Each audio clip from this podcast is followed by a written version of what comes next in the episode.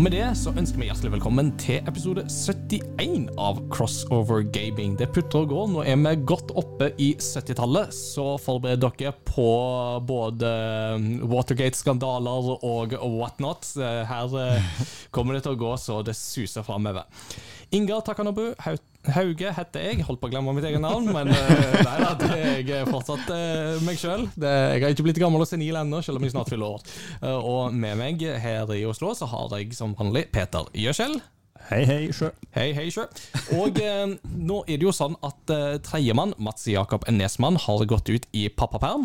Men som vi da forklarte i forrige episode, så vil vi da satse på å invitere en del gjester i løpet av episodene som kommer framover. Eh, og da var det jo et navn som utmerka seg ganske tidlig allerede i startfasen. Det er jo da en av våre aller mest trofaste lyttere, som har vært en sentral del av vårt Discord-community. Hun har òg vært med i eh, eh Retrospellauget, som er en av disse spin-off-podkastene som vi holder på med. Og eh, må vel òg kunne sies å være Crossover Gamings eh, polske alibi, så jeg er veldig spent på å få høre komponistnavnet fra forrige episode, som jeg ikke klarte å oss enige om. Mine damer og herrer, det er meg en stor glede å ta imot Sigrun Eveline Gjerde. Eh, takk. Takk for, å, takk for, å, være med på, på podkasten. Og Uh, ja, jeg, jeg, er jo det polske alibiet. Uh, jeg, jeg, er halvt polsk, og jeg studerer polsk.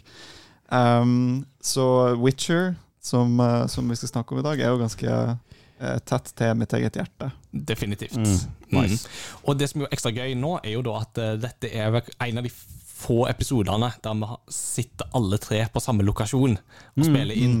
Eh, det er jo noe som vi virkelig har gledet oss til å få muligheten til. Og det har jo vært vanskelig å få det til. Vi har jo hatt planer om å reise ned til Kristiansand og spille inn noe, men eh, Så skulle han for unge, liksom? Så... Nei, jeg tenkte mer på at, jeg tenkte mer egentlig at pandemi var et større hinder enn barn, men eh, det er nå så. Men velkommen skal du være, Sigrun. Mm. For de som ikke har hørt på Retrospellauget, hvem er du? Gi en kort introduksjon av hva du holder på med. og Du nevnte jo allerede at du studerer polsk, så det er jo et eh, interessant spekter. jo, jeg er jo, jeg er utdanna lærer, så da, da, jobber jeg sånn som flere, flere andre som, som, både har vært innom og vært fast på podkasten, har, har, vært lærere. Um, så jeg enda et tilskudd til det. Um, nei, men så er det jo generelt Jeg har jo, har jo kjent uh, dere ei, ei stund. Uh, ei god stund, flere år. Uh, og gaming er den tingen som vi på en måte deler mest felles i, føler jeg. Um, så sånn generelt når det, når det, gjelder spill, så er det vel rollespill som på en måte har vært min greie. RPG-spill. Mm. Uh, og da passer jo også selvfølgelig Witcher som hånd i hanske. Mm, mm. Absolutt. Studere polsk og Witcher, ja, vil si det funker bra, det. Mm. Må jo sies å være en uh, glitrende kombo, uh, de tre. Helt klart. Absolutt. Mm. Så det blir en uh, gøyal episode, dette her, der vi endelig skal kartlegge litt mer detaljer om en serie som vi har name-droppa i nesten alle episoder, tror jeg, men ennå ikke hatt en egen episode om, så det er det på tide. Uh, litt kort, uh, Peter. Hva har dine siste par uker uh, det gått i? Det putter og går som gaminglærer? Ja da, det, det, gjør det. Det er en fin liten gjeng, og jeg koser meg gløgg i hjel på arbeid. Jeg har fått nytt fag i år, kirkehistorie. Oh. Så det har vært litt mer sene kvelder. Jeg må seriøst lære meg å forberede timer raskere, for det her tar jo en evighet. Men det er jo det er litt for artig òg, da. At, altså, jeg koser meg jo vanvittig når jeg holder med det. Og så prøvde jeg prøvde meg på treningsrommet forrige uke. De som sier at det er kjekt og deilig, og som det, det, det er bull. eh, og så Jeg har fortsatt ryggsmerter. Ei uke etterpå. Skjønner ikke Jeg må ha gjort noe Må ha gjort noe veldig galt, da, ja, tenker jeg. Men jeg, jeg fatter ikke eneste liksom, ryggøvelse jeg gjorde. Den gjorde det på firefotene, og så én fot, en fot bak og handa fram. Mm. Som Uh, Hitlers katt, som uh, kona kalte Som så, så, er så utrolig forklarende, men totalt ugreit. jeg må bare trekke fra hver gang jeg snakker om det. Men jeg syns det var så funny! Bjau heil. Ja, så den eh, jo så nå, nå begynner det liksom å bli, bli greit igjen, da. Ja. Men det ga meg jo Når at største Sånn til hel, i helga, så var jo jeg hadde nok med å komme meg fra senga til gaming-PC-en, eh, og det er jo en hel meter, så da var det jo god tid til gaming, da. Så det var jo, det var jo nice. Så eh, ja, gått litt i eh, Warzone og mye av det vanlige, og litt annet som vi skal snakke om senere Ja. i dag. Så bra. Det Mm, det. samme, samme her. Det, er liksom, det jeg har stort sett bedrevet med de siste to ukene det-? Ja, nei, Det er litt sånn urettferdig, det, for at det er vi som jobber på høgskoledelen av Fjellhaug, vi har fortsatt ikke hatt tilgang til treningsrommet. Så det er bare dere som jobber på bibelskolen og går der, som har tilgang på det. Nei, nei, nei. Så, men eh, da får jeg lage mitt eget treningsrom med blackjack og eh, folk av tvilsom karakter i stedet. Så Nice. det, mm, da får jeg heller Nei da, jeg går ut og jogger, og ellers er det litt sykling og litt sånn, men eh, nei, de siste par ukene så har det stort sett blitt gama, og det skal jeg snakke mer om i del to, så det blir eh, artig å få tatt litt om det. Mm, vi har et uh, tettpakka program, så, og det er masse nyheter som har skjedd, så jeg tenker at det kanskje er på tide å gå videre til dagens kunngjøringer.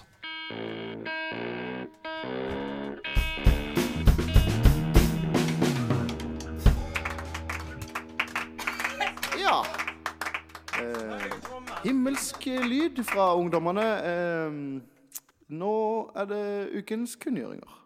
Yeah, sist veka, eller sist veka, sier jeg, eh, for to uker siden, så hadde vi jo ikke så veldig mye kunngjøringer å komme med, for da var det plutselig litt stille, og så har det bare eksplodert siden den gang. Vi sparte til nå. Ja, ja, ja, ikke sant. Um, først og fremst så er det jo en eh, PlayStation-presentasjon klokka ti i kveld som vi tar opp, så den får vi ikke snakke så mye om, men eh, det blir kanskje litt nyheter om det neste gang. Vi får begynne i Overwatch-hjørnet, som jo vi alle tre er innom eh, rett som det er. Der eh, har det blitt eh, kjent at uh, cowboy-rollefiguren Jesse McCree skal få nytt navn. Og dette skyldes jo da dette Activision Blizzard-søksmålet. Grunnen til at eh, McCree skal få nytt navn, er fordi at Jesse McCree er oppkalt etter en faktisk uh, sjefsutvikler som har jobba i Activision Blizzard, og som da har vært eh, et navn som har blitt eh, navngitt flere ganger i Activision Blizzard-saken, annet som en del av denne her Cosby-suiten som eh, de har eh, hatt eh, gående. Han var jo på Diablo 4 før han eh, ble avskjediga eller gikk eh, fra jobben. Og um, de har da rett og slett kunngjort at de skal endre navn på han eh, med tid og stunder. Eh, så det var noe opplegg som skulle komme nå i september, som da blir utsatt som følge av det.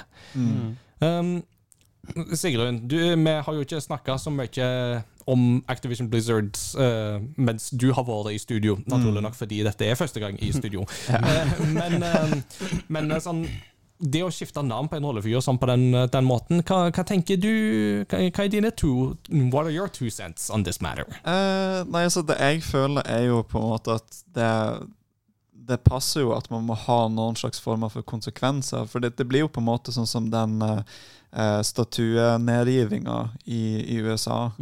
Eh, det river ned gamle sånne sørstatsgeneraler. Um, for, for litt av problemet er liksom sånn historikken blant, blant det når det blir satt opp og sånn òg, men det er òg bare hva står det for i dag? Er det her noe som vi burde, som vi burde ha i minnet, som vi burde huske på, liksom? Og derfor tenker jeg kanskje Kanskje det kan bli da en slags sånn opprenskning for, for Blizzard, at de, de bytter navn på den figuren. Mm. Og jeg tenker jo det at eh, dette, det er jo fortsatt folk som skal sitte og jobbe med Overwatch i mange år framover. Folk som har jobba med denne personen, og eh, kanskje ikke nødvendigvis har så gode minner under det å jobbe med vedkommende, som følge av eh, alle disse tingene som Activision Blizzard nå er anklaga for. Og jeg tenker at det hensynet skal vi òg ta med i betraktning her, eh, så jeg tenker at det er viktig. Og Activision Blizzard har jo også da sagt at eh, i framtid så kommer vi ikke til å kalle opp figurene våre etter etter ekte folk eh, som jobber i vårt studio, på en måte. Altså, det, vi kommer bare til å bruke fiksjonelle navn framover. Og det tror jeg kanskje kan være en lur eh, regel, at det er en sånn bedre føre var-prinsipp, og at det heller finnes andre måter man kan ære folk på, hvis man, hvis man ønsker det. Jeg tenker jo det skulle nesten altså når, med, med tanke på det ryktet han, den ekte personen har på seg, nå, det vi vet at han har gjort, mm. det skulle nesten Det har vært nesten problematisk føler jeg, hvis de ikke har gjort det. Mm, ikke sant? Fordi, ja, som du sier, de som skal arbeide med den eh, altså karakteren i Overwatch, som kjenner han i det virkelige liv, som kanskje har vært en av dem som har stått på den nedre sida, Mm. eh, og ja, liksom for, for å kanskje ha rettferdiggjøre overfor folk som har lyst til å spille spillet, at de skal slippe å ha en karakter som de forbinder med en som de nå har Du får jo et hatforhold, eh, Mm. rett og slett, til Mm. de personene, og det er bare å vise at vi tar totalt avstand fra det her ved å renske eh, et så synlig minne av den personen ved å liksom ikke la han ha et navn i spillet deres lenger. Ikke sant. Og jeg tenker at hvis det først er en rollefigur i Overwatch-universet som du skal skifte navn på, så er faktisk McCree en som det internt historisk sett kan la seg gjøre. For det stilles jo av og til litt tvil om det faktisk er hans ekte navn. Eh, det finnes jo en sånn dialog som går mellom Sombra og McCree. Eh, før liksom en kamp begynner, så kan jo Sombra si 'Please to meet you, Jesse McCree, if that is your real name'. Don't know what you heard, but my name ain't Joe. Så det er litt sånn, men, men den setningen kan jo tolkes begge veier. ikke sant? At, Mm. eh, at hans ekte navn faktisk er Jesse McCree. Men det kan òg tolkes som at eh, ja, nei, det det er iallfall ikke Joe, liksom. Det er det Mm. eneste vi kan si sikkert, er at eh, McCree kommer ikke til å hete Joe framover. Sjøl mener jeg at de kan bare kalle han for High Noon Dude, for det er det vi ender opp med å kalle han når vi spiller. High Noon Dude! Så det er sånn. Cowboy. Cowboy. Ja, men cowboy blir litt for lite, så vi må ha Mm. noe litt mer enn det, tenker jeg. Videre det så har da eh, plutselig, eh, etter forrige episode, så ble det plutselig kjent at eh, Switch-rollespillet Bravely Default 2, som jeg anmeldte tidligere i år, eh, lanseres til PC. Og det er nå ute. Det kommer ut 2.9. Så de som er nysgjerrige på Bravely Default og ikke har en Switch, kan nå sjekke ut Bravely Default 2. Eh, Og det går fint an å hoppe inn, for det er en selvstendig tittel, så trenger ikke å ha spilt de andre spillene for det.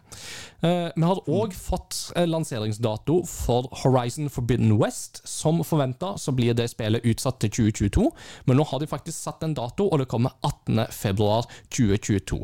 I den forbindelse så har det òg blitt kjent at eh, dette spillet blir det siste fra Sony sjøl, der man får gratis oppgradering fra PlayStation 4 til PlayStation 5-versjon. For eh, på PlayStation så er ikke det like strømlinjeforma som det det er på Xbox, uh, f.eks. Um, og så har da eh, XCOM-utvikleren Fireaxis, som òg er kjent for å utvikle Civilization, eh, de har eh, annonsert et nytt Marvel-spill som heter Midnight Suns, som kommer i mars eh, 2022. Som blir liksom litt sånn taktisk eh, vri på, um, på Marvel-formelen. Og jeg må si jeg er litt eh, keen, jeg, altså. Det, Fraxis lager kule ting, og jeg likte det jeg så, selv om det for det meste var en cinematisk trailer vi så først. Men òg når du ser gameplay-trailer, så virker dette litt sånn artig. Eh, Ja, det kunne jo være gøy, liksom. Jeg tenker bare eh, Når jeg har noen karakterer som jeg kan knytte meg litt mer til enn XCOM, da jeg på en måte ikke har noe å forholde meg til i XCOM-serien fra før, så ja, syns det høres kult ut. mm. Så det blir veldig spennende å se. Og det er alltid gøy når de prøver seg på litt nye ting. Og ja. Um, en ting som òg kom litt sånn ut av det blå, er at Saints Row-serien skal rebootes, og kommer da i februar 2022. Saints Row er jo da en serie som har, har vært litt sånn GTA light, med da etter hvert ganske hva skal vi si, litt sånn bisarr og litt uh, absurd humor til tider, og litt sånn. En GTA som ikke tar seg sjøl like høytidelig, er jo det de har gjerne vært kjent som. Eh, har dere spilt Saints Row noe? For meg så har det vært litt sånn noe jeg har hatt litt på en armlengdes avstand, men uh... Ja, nei, jeg, jeg liker veldig godt Saints Row. Jeg har spilt Saints Row 2, 3 og 4. ja, riktig. Um, bare eneren har gått glipp av. Um, men eh, av det jeg så av den rebooten, så var jeg ikke akkurat så veldig interessert, egentlig. Fordi det virker jo som de går bort fra det jeg syns var veldig gøy med Saints Row 4 i forhold til GTA 5, eh, som begge var liksom de konkurrerende titlene. Mm. da. Um, for i Saints Row 4 så er det jo det at du, du er rett og slett en superhelt. Mm. Du kan løpe opp bygninger og fly rundt i byen, og Mm. eh, du har rett og slett superkrefter. Mens det virker som de tar deg mer ned til jorda igjen. Mm. Og det syns jeg er litt sånn, sånn kjedelig. For det var det som var unikt, da. Mm. Ja, vi får se. Vi får se. Eh, okay. Jeg kan ikke skryte på meg så mye Saints Row-erfaring sjøl, så Men jeg tror nok det kan bli litt interessant. Det som òg kan bli litt interessant, er at Fifa skal få litt konkurranse. Det skal nemlig komme et uh, nytt fotballspill på markedet som kalles for UFL. Som er et free to play fotballspill som skal ta opp kampen mot Fifa og uh, PES e-fotball, som nå bare heter e-fotball. Mm. Og dette spillet kommer til å ha fokus på online komponent, altså online mm. samspill. og jeg tenker jo det at det er litt gøy. At fotballmarkedet nå faktisk skal få litt konkurranse, og det fra et free to play-perspektiv. Altså, Free to play kan man jo si mye om, men altså, Fifa Ultimate Team har jo blitt en grådig og grisk hmm. pengemaskin uten sidestykke. Som jo Det er jo et monopol der som EA etter hvert sitter på, som eh, Pro Evolution Soccer-serien har datt veldig av, og ikke klarer hmm. å konkurrere mot, bortsett fra kanskje i Japan. Og mm. da er det veldig gøy at de plutselig skal få litt konkurranse fra noen som legger opp til en helt annerledes modell, der grunnspillet i seg sjøl er gratis. Mm. Uh, ja, jeg er veldig enig i det. Jeg, jeg tenker sånn uh, Fifa jeg har testa ut det nye Fifa, så det kan vi snakke om i del to. Uh, jeg har noen tanker. ja. Så artig, da. Uh, Peter, som uh, gaminglærer så må du jo innom Fifa på noe tidspunkt. Hva er din Og du er jo vel så fotball, eller mer fotballinteressert enn meg, iallfall. I utgangspunktet. Nei, ikke sant. Fot, fotbaal, er det sånn avgudsdyrkelse? Er det det? Ja, de, de dyrker fota. Um, Og er det sånn kult som Tarantino er med i det? Oh yes. Uh, altså det, Fifa er det veldig lite av. Uh, det er stort sett i idrettsklassen at de som spurte faktisk klassen i dag Er det noen her som spiller Fifa. Det var ingen. Uh, wow. Og personlig så Jeg syns jo Fifa er artig å spille. Jeg, jeg, foretrekker jo å kalle meg sjøl for sånn motivasjonsmotstander. Du, føl, du, blir veldig motivert og føler deg veldig god når du spiller mot meg, fordi jeg er ikke. jeg går fortsatt og husker på den ene kampen når jeg sjøl gikk på bibelskole, og det ble 1-1. Eh, han hadde type 32 skudd eh, rundt og på mål, eh, og jeg hadde mitt ene som gikk i mål. Eh, jeg har aldri vært borti en så sint Fifa-spiller i hele mitt liv. Eh, stort sett så er jeg en ganske sånn god vinner og sånt, men fytti, da gått jeg meg lenge! jeg ble aldri utfordra av han til Fifa resten av året. så, så ja, men bortsett fra det så taper jeg stort sett. Uh, og ja, så jeg spiller ikke mye Fifa. Men jeg syns jo det er kult at så, det kommer. Um, altså, a job well done there, mm. rett og slett, som motstander. Mm. Godt, godt. Hvis vi drar til det japanske markedet, så er det litt sånn interessante ting som skjer internt i Sega for tida. Fordi det ryktes nemlig at Toshihiro Nagoshi, som nå er leder for Ryuga Gotoku Studio, som da er Yakuza-studioet, eh, det ryktes at han nå skal forlate Sega, til fordel for det kinesiske mobilselskapet NetEasy. Uh, og Nagoshi er ingen hvem som helst, for han har jobba i Sega siden 1989.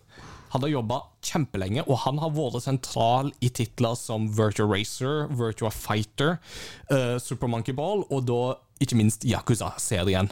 Uh, Samtidig som at det ryktes at han nå skal forlate Sega, så ryktes det at Ryuta Ueda skal komme tilbake til Sega. Og Ueda har på sin side stått bak titler som Jet Set Radio, men òg da vært eh, regissøren av de to første Yakuza-spillene.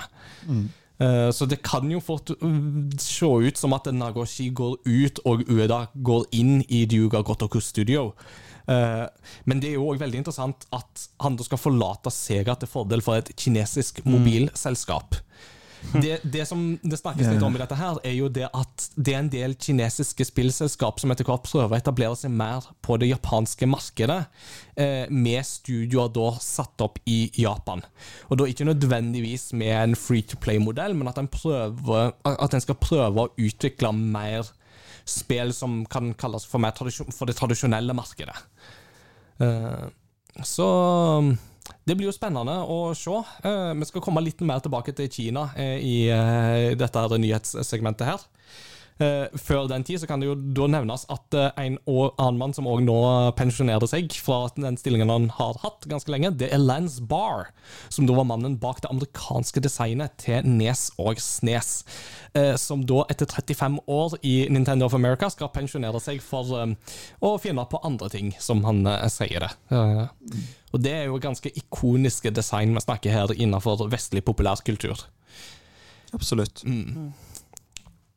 Og så kan vi jo da, i den forbindelse som vi var inne på nå i stad, så kan vi jo da snakke om dette med eh, Kina. Fordi en av de store, store nyhetssakene den siste veka har jo da vært at eh, Kinas National Press and Publication Administration, som da er ikke direkte underlagt eh, kinesiske myndigheter, men da likevel er hva skal du si, et interessesamlerorgan, på mange måter litt sånn Norsk Filminstitutt, kanskje.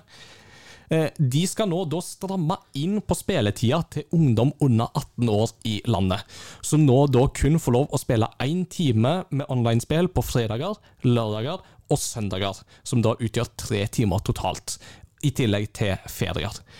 Dette kommer da samtidig som at Sør-Korea nylig fjerner sine gamingrestriksjoner som de innførte for ti år siden, der ungdom under 16 år ikke fikk spille etter midnatt. Og dette her er jo et sånn veldig veldig interessant eh, marked, der da kinesiske myndigheter går veldig hardt inn ovenifra, ikke mange ukene etter at gaming ble nærmest kalt for opium for ungdommen. Eh, og nå blir det da slått veldig hardt ned på. Eh, what are your thoughts, ladies and gentlemen? Eh, nei, altså, jeg eh, tenker jo at det virker som et ganske tåpelig påfunn. Eh, jeg lurer på om ikke de her ungdommene finner en eller annen måte å komme seg rundt det. På et eller annet vis, i alle fall.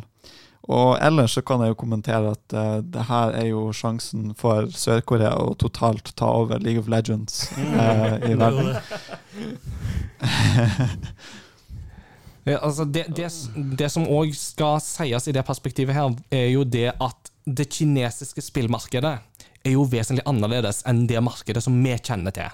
Fordi de store tradisjonelle aktørene som Nintendo og PlayStation og sånt har jo ikke hatt samme innpass på det kinesiske markedet, blant annet pga. at de er japanske selskaper, og det er veldig strenge regler for liksom, japanske selskaper i Kina pga. bl.a. krigshistorie og litt sånne ting. Så store deler av det kinesiske spillmarkedet, man anslår kanskje sånn rundt 90-92% er free to play-spill i stor grad på mobil.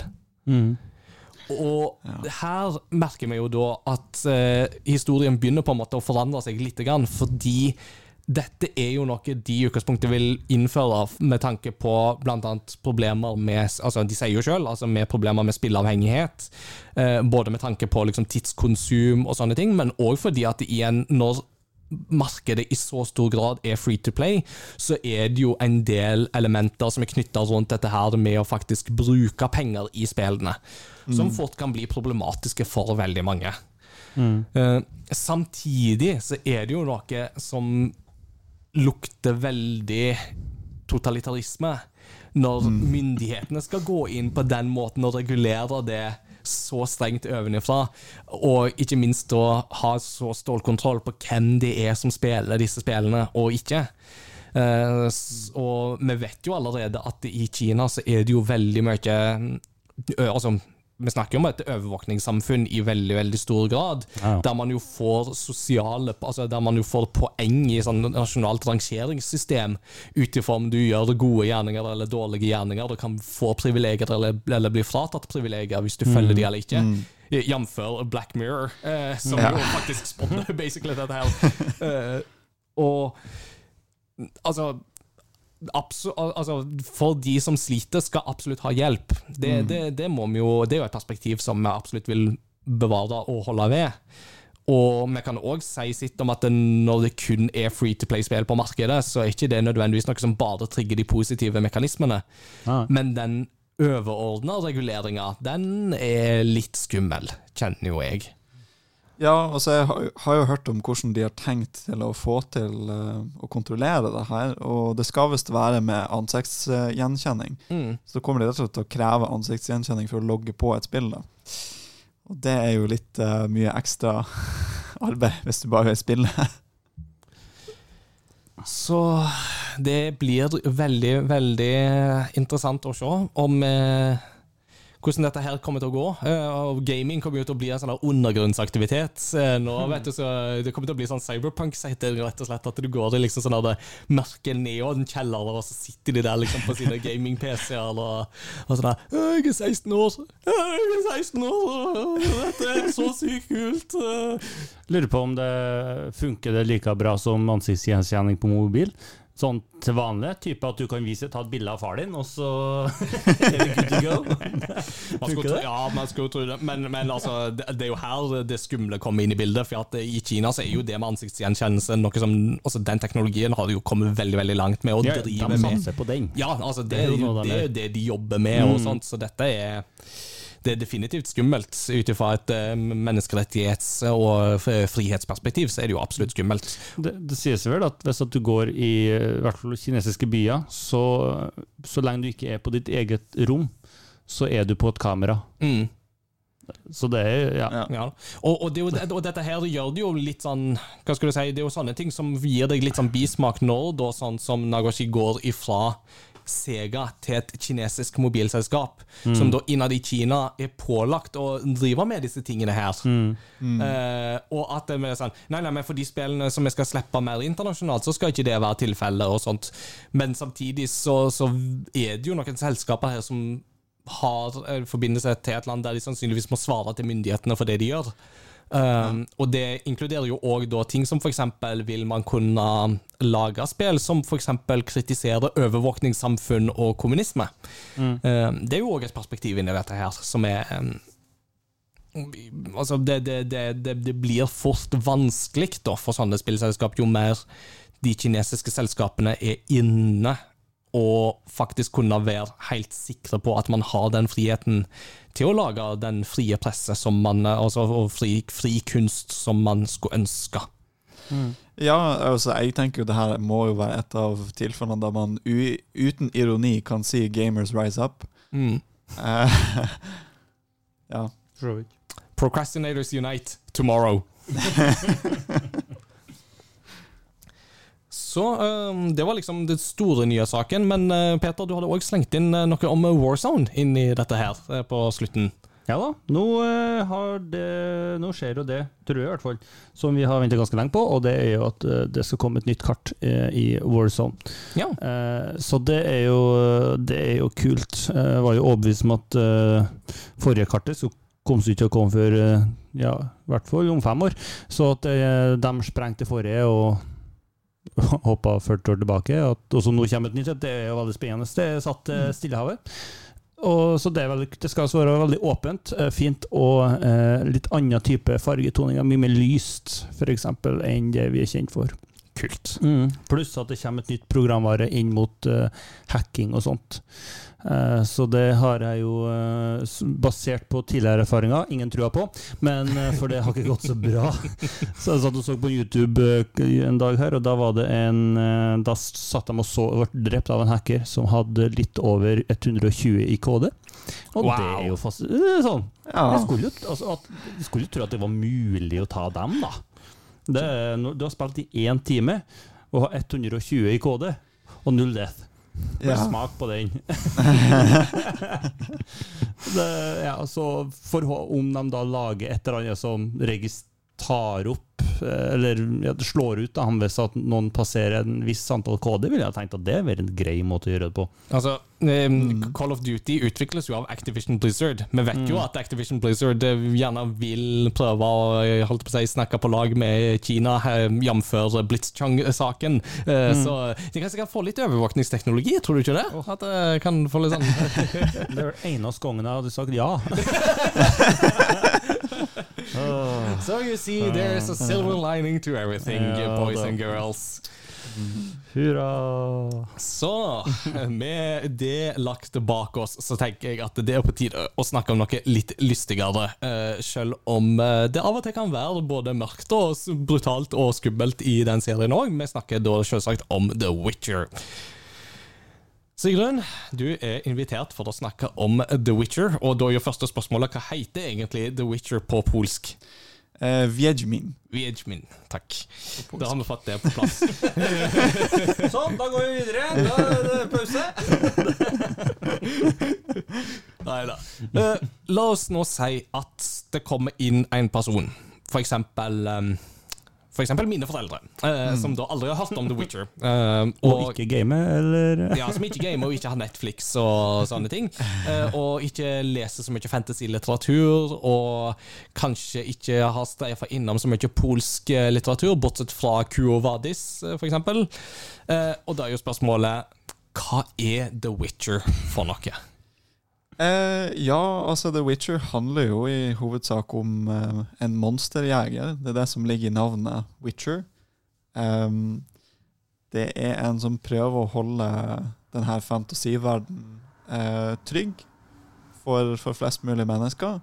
Men så er det jo også en serie med, med moralske dilemmaer, der um, spørsmålet er Av og til er det litt vanskelig å skille mellom er det menneskene eller er det monstrene som egentlig er monstre. Mm.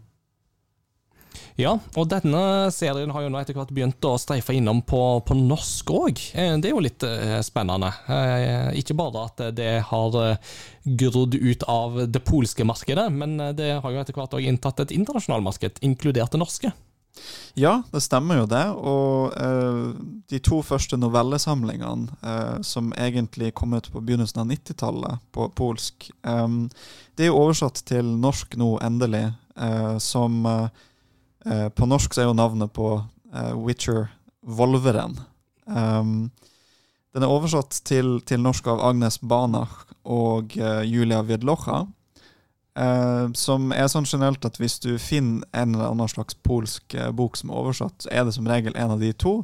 Eller muligens eh, professoren eh, på, eh, på, på polskstudiet som jeg går på. Knut, Professoren!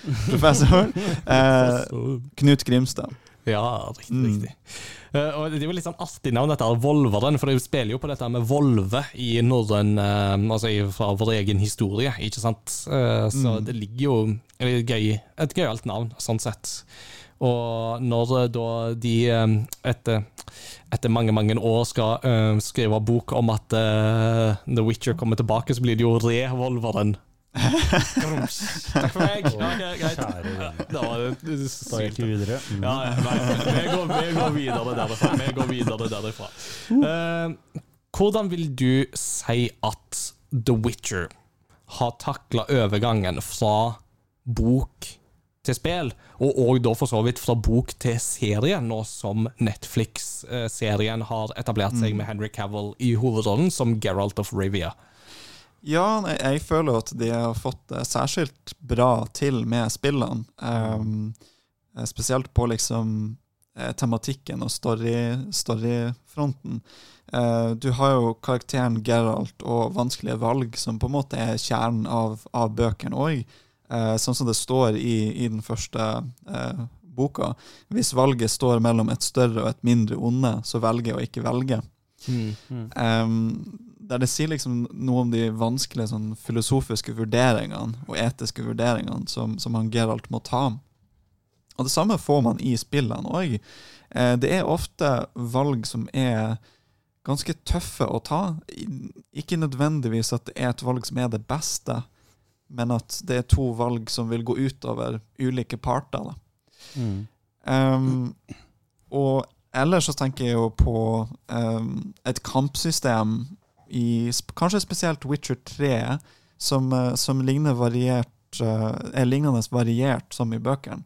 Um, hele poenget med å slåss eh, for, for han Geralt, når, når han må slåss, så må han jo bruke um, ulike potions. Um, han må lage sånne mystiske, mystiske drikker som forsterker evnene hans. Men da må han på en måte være forberedt. Han må vite hvilket monster han skal slåss mot, og hvordan han skal bekjempe det.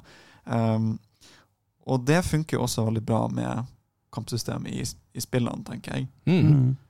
Um, og ellers så tenker jeg på um, fantasyverden som er realisert generelt. Uh, det er en mørk og mer sånn gritty fantasyverden enn man kanskje, kanskje er vant til. Um, blant annet en sånn veldig merkbar ting, en eh, groteskifisering av eventyr. Mm. Eh, det finner man i alle de ulike adaptasjonene. Um, så for eksempel har du karakteren eh, Renfri, som er helt fra den første novellesamlinga, som er en slags sånn um, et, et spill på Snøhvit og, og de syv dvergene.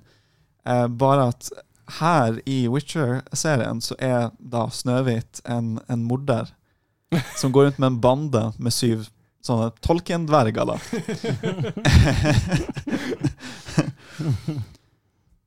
Ja, det er jo noe det, det, det, Akkurat det minner meg jo litt om tegneserien Fables, eh, som jo viser litt sånne alternative varianter av disse eventyrfigurene eh, og sånt. Fordi altså, der, der er jo settinga Det er jo det samme som i The Wolf of Mangas, er jo basert på Fables-tegneserien. Og der har du jo eventyrfigurer som bor i vår verden og sånt. Og en av de, de, de hovedtingene der er jo at der er jo Snøhvit Hun er jo en administrator for uh, Fabletown, som det heter. Eh, og en hovedregel der er 'never ever mention the dwarfs'. Så det var litt sånn at det, det, det, det var ikke sånn som Disney framstilte det, det var helt fullstendig dra for dets feil. Eh, og så må man jo da etter hvert prøve å liksom dekonstruere hvordan var det ting egentlig skjedde, og hva er det som ligger til grunn her, for eksempel. Og ja. Det, det er jo absolutt, absolutt gøy med når sånne ting skjer. Eh, jeg tenker også de har fått det til bra med serien, da, eh, Netflix-serien.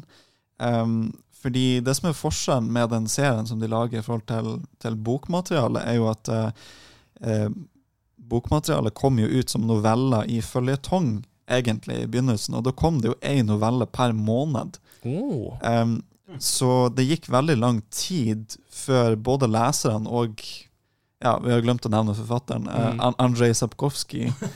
uh, Viktig. eh, det tok veldig lang tid før både, både leserne og han da fant fram til hvor, hvor var det egentlig storyen var på vei hen. Eh, For han skrev jo bare én novelle av gangen. Mm. Em, og derfor har det liksom Med en serie når hele alle, alle bøkene er ferdig, så TV-serien har liksom større frihet til å se helhetlig på det. Uh, og det har de jo da gjort med å sette opp tre hovedkarakterer i stedet for bare én. Mm. Uh, han, han Gerald, uh, eller Geralt, som han heter på polsk. Eh, og de, de tre hovedkarakterene er jo da eh, Geralt som før, uh, Jennifer, som på en måte er uh, hans elskede, uh, eller kone, kan man si. I tillegg til eh, Siri, eh, som er uh, adoptivdattera, Mm. på sett og vis. Um, og de, de sammen er på en måte et godt eksempel på eh, en utenforfamilie. Mm. Um, alle tre av dem blir på en måte sett på som monstre av ulike grunner. Eh, Siri er jo på en måte født med noen veldig spesielle magiske evner Mm. som gjør at folk syns hun er farlig. da. Folk er litt redd for Siri. Mm. Eh, mens eh, Jennifer em, er òg født med noen andre typer magiske evner. da. Em, men kanskje det fremste som gjør at hun blir eh, forhatt, er jo det at hun er magiker. Mm. Um, Ja, og de blir jo ikke stolt på i dette universet, for de er jo sånn konger og mektige folk. De har ofte holdt på å si, mm, hekser og trollmenn ved sin side, men man vet liksom aldri om de liksom faktisk gir de ekte gode rådene, eller om de bare renkes med for sin egen vinnings eh, skyld. Mm. ja, for det gir jo litt mening. altså når man, når man kan magi, så har man jo såpass mye makt at man kunne jo når som helst bare brent ned hele slottet, liksom, hvis man ville det. Um, så på den måten er det kanskje litt sånn mistro som er Og det, det ser man også i serien, at det er flere av magikerne man, man heller ikke bør stole på. Nei, nei, absolutt. Det er jo helt, helt, klart. Helt klart. Um, ja, og så, og så har man jo da han, han Geralt, som er en, eh, en mutant. For å bli Witcher så må man gå gjennom et ganske grusomt uh, ritual som veldig få overlever. da. Mm. Mm. Um, og det forandrer hvordan man ser ut. Man får liksom sånne øyne som ser ut som, som katter.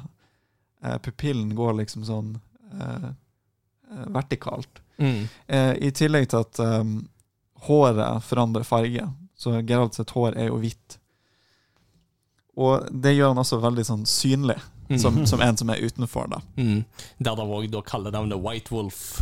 Eller Gwynblade, er det vel det brukes som. Gwynblade. Ja. Vandrende lyktestolpe. Vandrende lyktestolpe skjult til The Witcher. Oppfølgeren til Crouching Tiger, Hidden Dragon.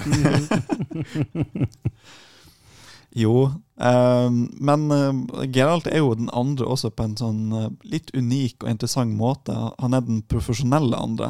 Mm. Ehm, og det er liksom på grunn av yrket hans som monsterdreper, så, så blir han på en måte sett litt ned på. Og det er jo en parallell til det i virkeligheten. Det er jo de som var bødler i vår verden. Eh, de ble jo ofte sett ned på, eller, eller frykta litt for det de holdt på med. ikke sant? Mm. Mm. Um, men ja, jeg, jeg holder jo på å skrive en eh, mastergrad nå, så det er jo interessant om akkurat det her, da. Eh, eh, Problemstillingen med lyd er noe sånt som Hvordan har novellene som ble skrevet på 80-tallet for et polsk publikum, blitt adaptert til et moderne internasjonalt publikum? Wow. Det er det mye man kan ja. si. Jeg tror vi allerede må ha deg tilbake igjen om et års tid når vi er ferdig med avhandlinga, for å liksom diskutere det, er akkurat den problemstillinga. Mm. Ja, for det, det, jeg skal jo ikke ta og snakke noe særlig om det. Jeg hadde bare et uh, interessant eksempel som jeg tenkte, um, som er en tydeliggjøring i TV-serien. Mm. Uh, hvordan skapes en kvinnelig magiker?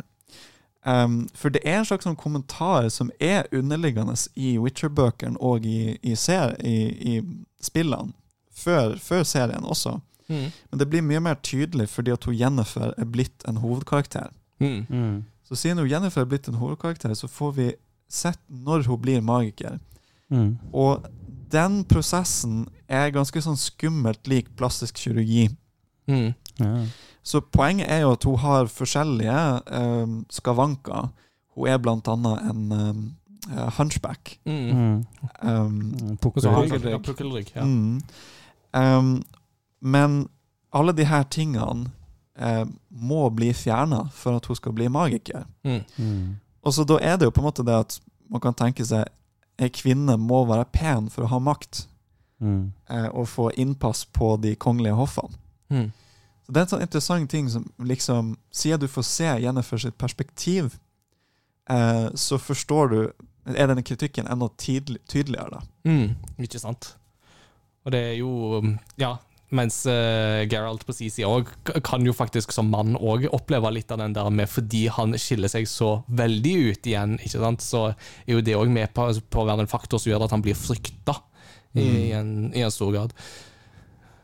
Eh, hvis en skal mm, tenke litt på den animasjonsfilmen som er kommet nå, Uh, uten at du spoiler den så veldig mye, for nå har jo verken jeg eller Peter sett den, men uh, er det litt sånn um, Har du noen sånn kjappe kommentarer på hvordan den uh, Ja, for, for den tar jo ikke utgangspunkt i Geralt. Den tar ikke utgangspunkt i Geralt, den tar utgangspunkt i Vesemir, som da er ja, Geralts farsfigur. Mm, og Sensei. Ja, Han var den som lærte han opp eh, til å bli en, eh, en volver. da. Mm. Fin fyr. Ja. Han er det, i alle fall i, eh, i de mediumene som dere kjenner han i. Fra, Ja, ok. fra TV TV-serien og i spillene. Mm. Men så klart, det her handler om Vesemir når han var ung. Ja. Så det, det er på en måte origin-storyen til han Vesemir. Mm. Og jeg syns det har en veldig passende estetikk og, og tone. Det er ganske grotesk. Um, de sparer ikke på, eh, eh, på på blodet, for å si det sånn. Um, men det de også får fram, er de vanskelige dilemmaene og problemstillingene som kommer med å leve det livet som, som en witcher gjør. Mm. Mm. Um, I tillegg så er jo animasjonen veldig, veldig bra. Um, det er animert av studio bak eh, Legenden om Korra, Ja. så de har jo de har et rykte på seg. Eh, dessuten så fungerer det fungerer det greit uten å måtte ha vært borti noe av det andre Witcher-innholdet. Mm. Um, selv om du får mer ut av noen sånne easter eggs og noen sånne hemmeligheter her og der, Mm. hvis du har spilt eller sett serien. Ja, Og det er jo en ting som jo fungerer så bra med spillene òg, er jo det at du kan begynne på spillene uten å ha kjennskap til The Witcher Mm. Mm. i forkant. Som jo med- absolutt er en bonus. Så de er veldig flinke på det med å tilrettelegge de forskjellige tingene, inkludert Netflix-serien f.eks. òg. Mm. Går jo an å begynne der. Det går. Altså, hadde, ja, det går veldig greit an. Jeg hadde en del runder med kona hvor vi stoppa liksom opp, og så måtte jeg for, ja, forklare en del ting, for det er jo spesielt uh, en del med de evnene Geralti og litt sånn der som Mm. ikke Han plutselig Det er liksom ja, sånn som den ene kamps, kampscenen i den gata, når han plutselig bare skyter av gårde, og, Mm. og Ja. hun bare sånn De flaug. uh, det er et par sånne småting her og der, som er liksom, ja, når du, og spesielt når du ikke er så vant til fantasy i tillegg. Men bortsett fra det, så hang jeg veldig, veldig greit med. Mm, Og så måtte jeg forklare når vi drev og hoppa i tid, da, for det skjedde jo i øst og vest. Det er sant. Et veldig, veldig, veldig kult grep, for øvrig. Um, hvis vi skal snakke om The Witcher som eh, østeuropeisk fantasy, for det er jo noe som er ekstra spennende med The Witcher, er jo det at det står i veldig kontrast til eh, C.S. Lewis, til Tolkien, til Robert Jordan, til George R. R. Martin, som jo alle har på en måte en veldig sånn vesteuropeisk eller uh, WASP-tilknytning um, i, i sin måte å skrive fantasy og forstå verden på. Eh, mens da Sapkowski, uh, pardon my uh, po- Polish, uh, er jo da eh, polsk og østeuropeisk, og mm, har jo blant annet sin tid i liksom under sovjetstyret og Sovjetunionens makt. Eh, hvordan preger disse tingene The Witcher-universet? Ja, altså eh, Det man jo kan, kan tenke på, for å knytte direkte til det du sa, er jo at Polens historie er jo på en måte det med å være et land som blir utsatt mye for krig. mm. Og det er jo noe som på en måte preger uh, The Witcher-serien. Um, den greia med at det på en måte føles ikke ut som krig er noe man vinner og får et eller annet slags godt mål. Krig er noe bare som skjer rundt Geralt, som man Mm. ikke kan gjøre noe med, på en måte. Um, og det, det tror jeg er nok, er nok et ganske godt ekko av hvordan det må, ha, må føles å være polakk med, med den historien, og vokse Mm. opp eh, etter krigen. Em, og ellers så Skrivestilen til han Sapkowski er jo veldig økonomisk og, og kortfatta. Um, det, det skiller han jo ganske skarpt fra f.eks. Tolkien eller Robert Jordan. da. Mm. Um, der omtrent alle bøkene er under 400 sider. Ja, såpass. Mm. Det er jo ganske sparsommelig. Mm. Ja, ja. Det, det er ganske sparsommelig. Um, og jeg har jo fundert mye på det her om, eh, om bakgrunnen til en person har noe å si for, eh, for måten de skriver på. Mm. Så det er jo ironisk at uh, Hans Sapkowski er utdannet økonom. ja, nei, men det tror jeg på. Uh, for det er jo sånn, Hvis en leser The Malazan Book of the Fallen, for eksempel, så er jo det skrevet av um, Steven Eriksen og Mm. uh, Ian Esselmont, uh, som jo det vokste ut fra deres DND-campaigns. Uh, og Steven Eriksen er jo sosialantropolog. Mm. Altså det, det er liksom, altså de to er vel innenfor arkeologi og sosialantropologi. Det er der de to har sine bakgrunner. Og det preger jo absolutt de bøkene, for det er veldig mye fokus på, på det med, med eh, bakgrunner til de forskjellige rasene og folkeslagene og folkene og landene og sånt i det universet. Mens Tolkien var jo filolog. altså Han var språkmenneske. Og det, mm, altså hele hans univers vokste jo ut av språk. Det var jo der det begynte. Mm. Ja. Så Nei, men ja, eh, så han er økonom, altså. Det, det, det vet jeg ikke om jeg var klar over. det er jo fascinerende. Yeah. Eh, han hadde det med litteratur og skriving da som en hobby. Så en ting som gjør at det her er litt sånn komplisert å ta for seg, er at uh, Witcher er nok ikke så østeuropeisk eller slavisk som folk vil ha det til. Um, på den ene sida er det jo fordi Sapkowski, Sapkowski er en verdensmann Mm. og, og polyglot. Um, angivelig så skal han snakke 15 språk. What? Um, Hoi! så så han, han sjekker oversettelsene av, av bøkene. Å, fytti, det, det, er skumle greier. for å se hva han syns om dem. Ehm, og så er han jo veldig inspirert av legender fra Vest-Europa. Så eksempel arturianske legender er han jo veldig inspirert av. Mm. Så den aller siste boka i på en måte kronologiske rekkefølgen heter Pani Yejora, som betyr Lady of the Lake. Ja. Eh, og det er jo en karakter tatt rett ut ifra de her arturianske legendene. Listen, strange women lying in ponds distributing swords is no mean for supreme executive power. Monty supreme executive power should come from the power of the uh, mandate of the masses, not for some farcical aquatic ceremony. så bare fordi at eh, du blir kasta sverd opp av uh, innsjøer, så betyr ikke det at du er konge for det. Nei da. Det var, det var Sorry, en bare måte. Uh, Ja, det, det er alltid, alltid godt med litt Monty Python. mm. Eh, nei, men eh, du har de arturianske legendene, og så har du også eh, mange felleseuropeiske folkefortellinger og eventyr. da.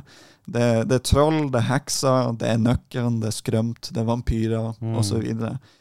Um, selv om man kan jo si at heksene i Witcher 3 for eksempel, har en tydelig Baba Yaga-inspirasjon Mm. over dem. Um, samtidig så finner du også myter fra den arabiske verden, sånn som, sånn som gin. Mm. Mm. Um, og ghouls har jeg hørt også skal stamme fra, fra arabiske myter. Kan, Ja, du, ja. kan du utdype Baba Yaga? Hva er Baba Yaga? Um, jeg er ikke helt sikker på hva det er. Det er på en måte bare den, den estetikken med liksom Ja, ei, ei skummel heks som er tegna på en sånn veldig spesifikk måte. Mm. Mens vi kanskje tenker den, den heksa vi tenker på, er Wizard of Oz. Mm. Eh, den Ja. heksa. Mens um, Baba Yaga er mer en sånn grotesk, mer en sånn boogeyman-lignende mm, yeah. rolle, altså okay. heksetype. Ja. mm, Um, Kvi, heks eller kvinnelig skogsånd. i Mm. Slavisk mytologi og folketro. Okay. Ja. Mm. Og som du, da, du sender John Wick eh, etter, for hvis du skal ta livet altså, få tatt livet av Baba Yaga, så sender du John Wick. The Boogeyman. Eh, men ja, du, du finner selvfølgelig noen tydelige slaviske trekk. Eh, du, finner, du finner referanser som kun på en måte vil være tilgjengelige for de som er polske. Mm. Eh, sånn som En ting som skjer i bøkene, er Rivia-pogromen. Mm. Det er for øvrig det stedet Geralt er ifra.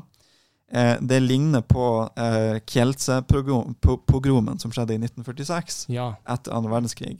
Em, for det som, det som på en måte skjedde i, i virkeligheten, da, var at etter krigen så ble selv blant polakkene i den byen, så ble jødene en syndebukk. Etter krigen. Etter krigen, ja. Det er jo helt absurd. Mm. Så det, men det er på en måte sånne ting som er litt sånn glemt, da. Mm. Som jeg ikke helt vil snakke om i polsk historie. Det fins flere tilfeller òg eh, fra andre verdenskrig der, eh, der jøder har blitt eh, drept av polakker, og at de, de hjalp til, på en måte. Mm. Men det, den kollaboreringa under krigen den har man på en måte holdt under lokk. da. Mm. Mm. Litt sånn som man jo har eh, i de siste årene måttet skrive litt om i norsk historie òg. Og det der med hvor mye samarbeid egentlig de norske altså nordmenn med okkupasjonsmakten. Mm. Så det er jo litt sånn Det interessante er at når du får nok avstand til tingene, så begynner man plutselig å se på historier med litt andre perspektiv. Mm. Ja, og i, i Witcher-serien så er jo på en måte de som tar rollen til de forfulgte, er jo non-humans. Så det er jo eh, alver og dverger. Mm. eh, stort sett. Em, og det er en veldig stor spoiler om dere googler Rivia-programmen, så jeg anbefaler dere ikke å gjøre det. Ta, ta heller bare les bøkene. Det er en grei informasjon på mm. um, men eh, det er også sånne referanser til det multikulturelle Øst-Europa som man kanskje ikke er så kjent med her. da. Altså, flere sånne tyske, eh, tyrkiske og arabiske navn eh, kjenner man kanskje mer igjen i, i Polen eh, fra gammelt av. Mm. Og også kulturelementer. Og så har man jo også det med at Polen var det eh, landet som hadde flest jøder før andre verdenskrig. Mm. Um, i, i, av landene i Europa. Um, Mm. Og da er det jo referanser f.eks. til Ros- Rothschild-familien. Mm. eh, den, den rike jødiske familien, og andre rike eh, jødiske familier. Um, og så har du jo noen monstre som er på en måte sånn typisk slaviske, da. Eh, sånn som for eksempel Strygga. Ja. Mm. Eh, det er veldig vanskelig å beskrive det her monsteret. eh, mm, eksempelet fra boka og, og fra spillene egentlig det beste. Det, det er på en måte det er en slags forbannelse som skjer med et menneske som blir omgjort til det her monsteret. Mm. Um, og så kreves det veldig veldig spesielle metoder for å få omgjort den forbannelsen. Um, av monstre som vi kjenner i Norge, så kanskje det nærmeste vil være et slags type troll. da. Mm. Mm. At noen har blitt forbanna til å bli et slags sånn uh, uh, Her lukter det kristenmannsblod-type troll. ja, ja, riktig, riktig. Er det det vesenet han kjemper mot i serien nå? Ja. ja. På hun som ble uh, Mm. Det, i, I serien og i, eh, ja, i alle realisasjonene så er det jo dattera til Foltest. Mm. mm. Kong Foltest. Ja. Kongen av en av kongerikene til Media. Riktig, riktig. Um, et annet monster du har, er jo Leshen. Um, et, et slags skogsmonster som er liksom sjela til skogen. Ja. En slags hevn fra naturen. Ja. Eh, Nesten litt sånn Mononoke, Princess Mononoke kind of Mm. vibe over det, rett og slett. selvfølgelig, bare litt mer grotesk, da. Because that's how they roll in Poland. Ja. Uh, så det er jo på en måte et slags sånn monster som er et skjelett av noe slags slag, og så har det eh, store sånn hjortehorn på hodet. Mm. Um, og det kan eh, forvandle seg til um, Jeg lurer på om det er flaggermus eller noe sånt. Altså, det kan forvandle seg til et eller annet som eh, symboliserer skogen. da. Mm. Um, Svak mot Igni. Oh yeah. ja, den er jo i skogen, så det er jo, det er jo lurt å bruke flamme på det. da. Oh yeah da. Det. Jeg har testa. Um, men når det, når det gjelder ting som er unikt for spillene, som er litt eh, Spillene er faktisk litt mer slavifiserte enn originalmaterialet. Interessant. Um, så du har våpenruner fra slavisk mytologi, eh, sånn som Perun, Mm. eh, som Mm. var tordenguden i slavisk mytologi. Mm. Ikke ulikt Thor, egentlig. Mm. Um, og så har du også et uh, ganske godt eksempel i spillet, um, med en referanse til Adam Mickiewicz, eh, som var man kan si en nasjonalskalden i, i, i Polen. Eh, Polens Henrik Ibsen Mm. på sett og vis.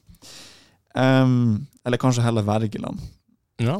Men eh, du har sideoppdraget Forefathers Eve, um, som spiller på teaterstykket Jade av han Mickiewicz. da. Ja. Ah. Mm. Så det, forsøk, det ble forsøkt å oversette det shakespeariansk til engelsk. da. Mm. Um, og det funka jo, jo delvis, uh, for det er jo, det er jo litt sånn lignende språk. Hvis man tenker Det var litt lignende tid. Um, I tillegg til at det er litt sånn med spøkelser, og det var jo Shakespeare god på. da. Mm. Men det som viste seg, var at det var veldig vanskelig å oversette det her visuelt. For spillet er jo laga først visuelt og skrevet på polsk. Eh, så på den måten så viste det seg å være veldig vanskelig å bruke den oversettelsen. Så for et vestlig publikum så er jo den, det sideoppdraget noe eksotisk. Mm. Mm. Men det er det ikke for polakker. Nei. Eh, i polakker, så- for, for polakker å se den eh, scenen er litt som å se Per Gynt. altså Du kjenner det veldig godt igjen. Du Mm. kjenner igjen karakterene og sånn. Mm. Han, han, som, eh, han som hjelper deg å gjøre den her Det er en slags seremoni for å påkalle noen ånder. En slags førkristen ritual. rituale. Eh, han er hovedkarakteren i teaterstykket. Ja. Em, ellers så tenkte jeg man har karakteren uh, Olgert van Everets, som er basert på hovedkarakteren fra Påtopp. Syndefloden, som det heter på norsk. Mm. Mm. Den boka er skrevet av Henrik Sienkiewicz, som er eh, en av nobelprisvinnerne eh, for, for faktisk den boka du nevnte Ja, den tidligere. Quo Vadis, ja. Riktig, Ja. ja. det er samme forfatter, ja. Ja. Mm. Er det han traff på i den DLC-en? Mm. Uh, ja. Han er i DLC-en Hearts of Stone. Hearts of Stone var det. Mm. Og, og faktisk utseendet til denne karakteren i spillet er basert på Daniel Olbrzyrski eh, fra 1974-filmen. Ah, Så filmatiseringa av den boka ja. har medført det ikoniske utseendet til denne karakteren, Så gøy. som så er kopiert inn i spillet. da. Det er jo Det er kjempeartig. Deilig detalj. Det, det er jo litt sånn som uh, hvis du leser altså, for, altså Asterix har jo noe av det samme i tegneseriene.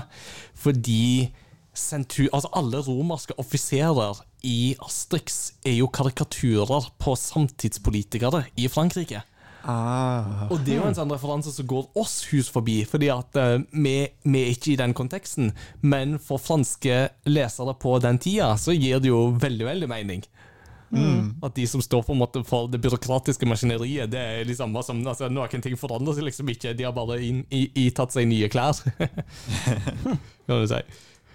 Eh, Hvis en da skal på en måte ta dette litt videre, og altså her i podkasten så snakker vi jo så å si utelukkende varmt om The Witcher. Enten det, Det er det er beste spillet. ja, altså enten det er spillet, eller det yep.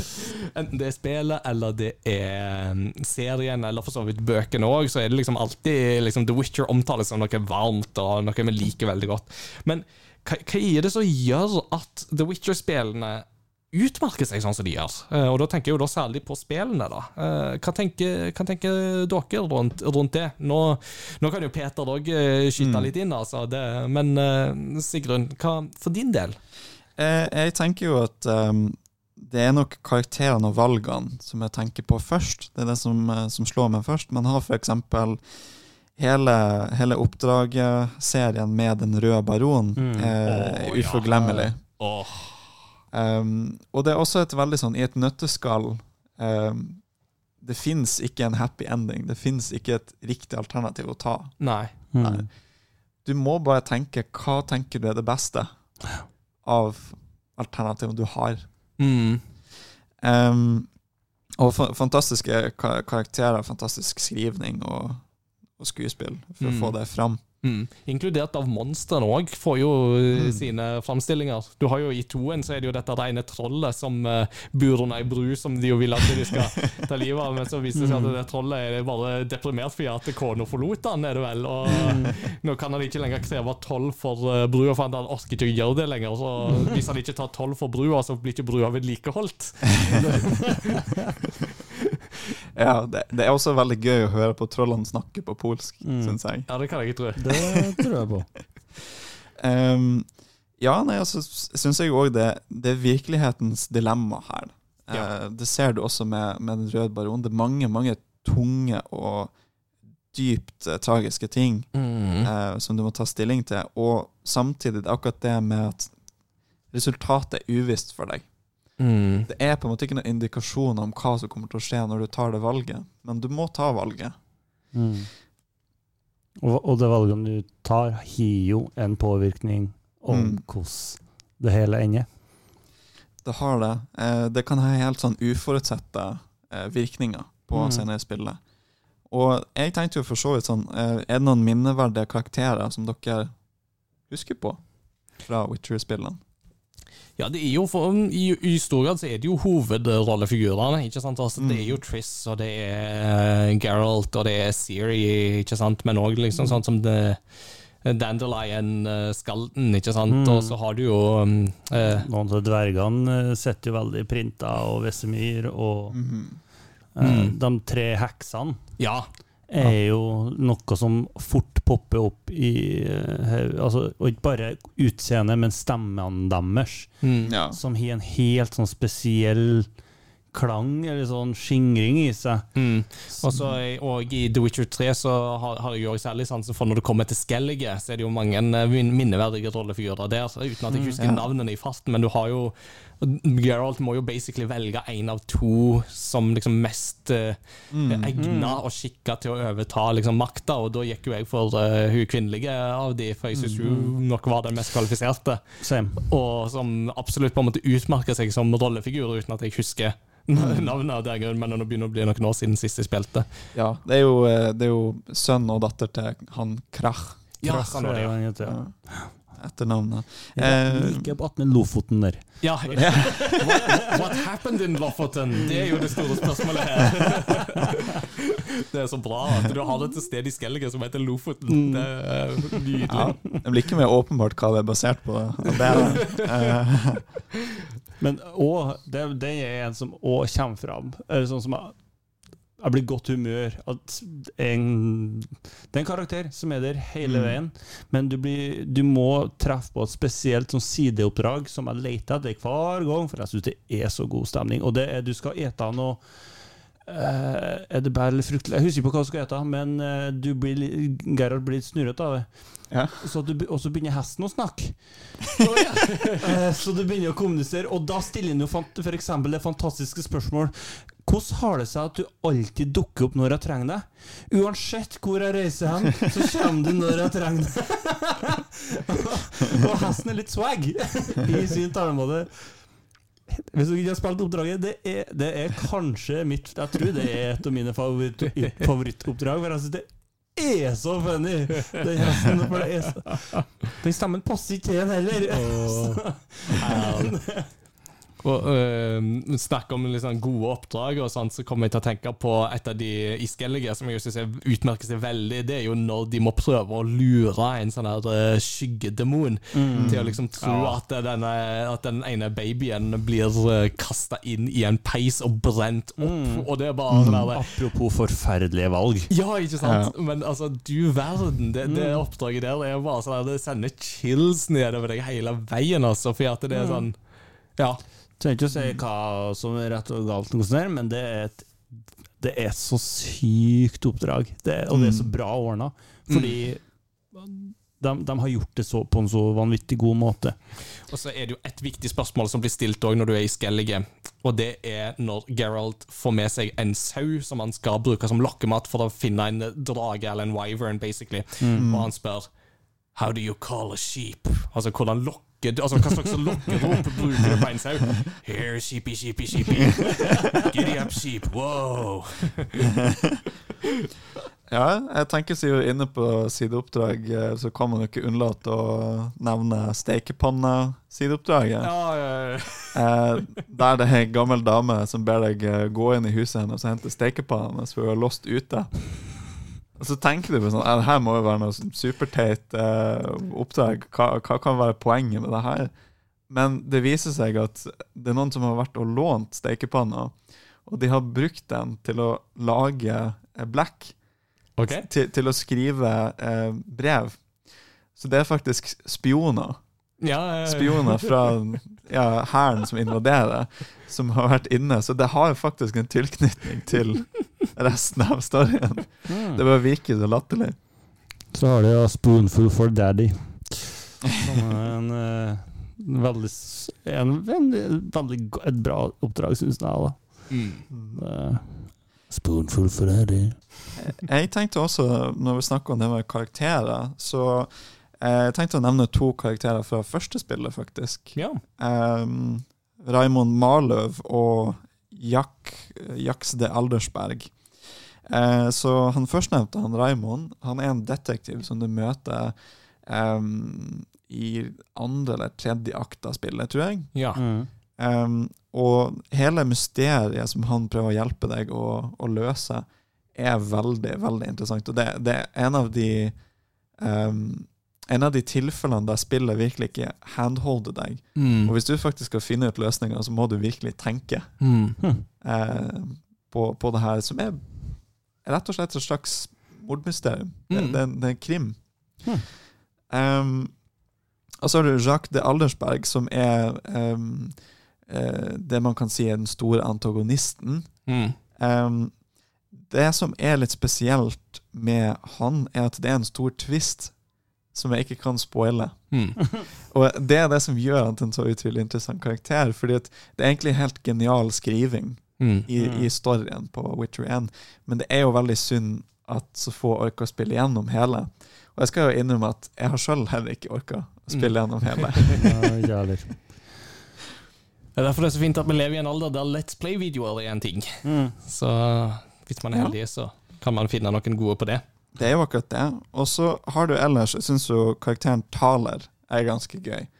Eh, fordi han er jo basically um, en full polsk bygningsarbeider, basically. Altså, han, han, eller en full nordlending, da. Det kan vi jo også si.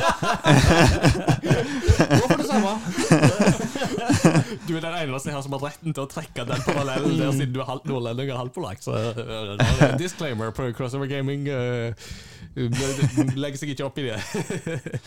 Nei, for Taler er jo en karakter som, som banner vanvittig mye. Mm. Eh, på veldig morsomme måter òg. Han finner på veldig sånn kreative eh, ordspråk Mm. som gjør han er en ganske sånn gøy karakter. Da. Em, jeg tenker òg med eh, når, vi, når vi er inne på karakterer, så er det jo én ting som vi må svart på. Jennifer eller Triss? Åh, oh, du skal stille oss til veggs her. Den er, den er vanskelig, altså. Altså, Rent utelukkende basert på opplevelsen med spillene. Mm. Eh, altså, nå, nå har jo jeg lest bøkene, eh, men det var før de var liksom offisielt oversatt. Flere av de som noen av de var jo liksom fanoversettelser, og sånn, så jeg kjente jo til både Jennifer og Siri og liksom nå for så vidt Triss òg fra den tida der. Mm.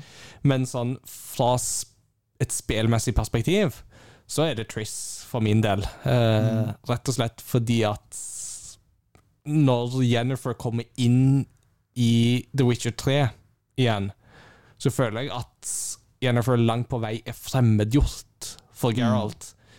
Og at den relasjonen de har hatt, på mange måter bare har kjølna fullstendig til fordel for Hva skal vi si, At han er blitt mer et redskap for henne enn at han er blitt Mm. Den som hun er uløselig knytta til, enten hun vil eller ikke. Uh, uh. Ja, og jeg, jeg tenker jo òg på at uh, det er jo med valget som de gjorde med spillene, som er en Mm. handling som er satt etter bøkene, um, der de valgte å bruke Triss som på en måte den love interesten Mm. um, til han Geralt i, i de andre spillene.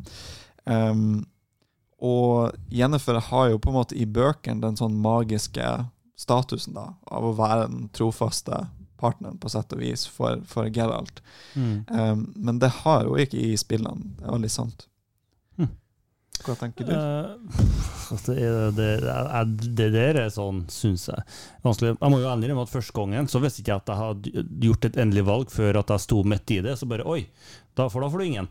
Det, sånn, eh, for det jeg er jo et samvittighetsmenneske av rang, så jeg, jeg trodde jeg drev jeg, jeg følte jeg skuffa begge to. Vet du, jeg mente hvis at jeg skulle, Så jeg prøvde å gjøre alle blide. Eh, faktisk, og så endte jeg opp som en gris.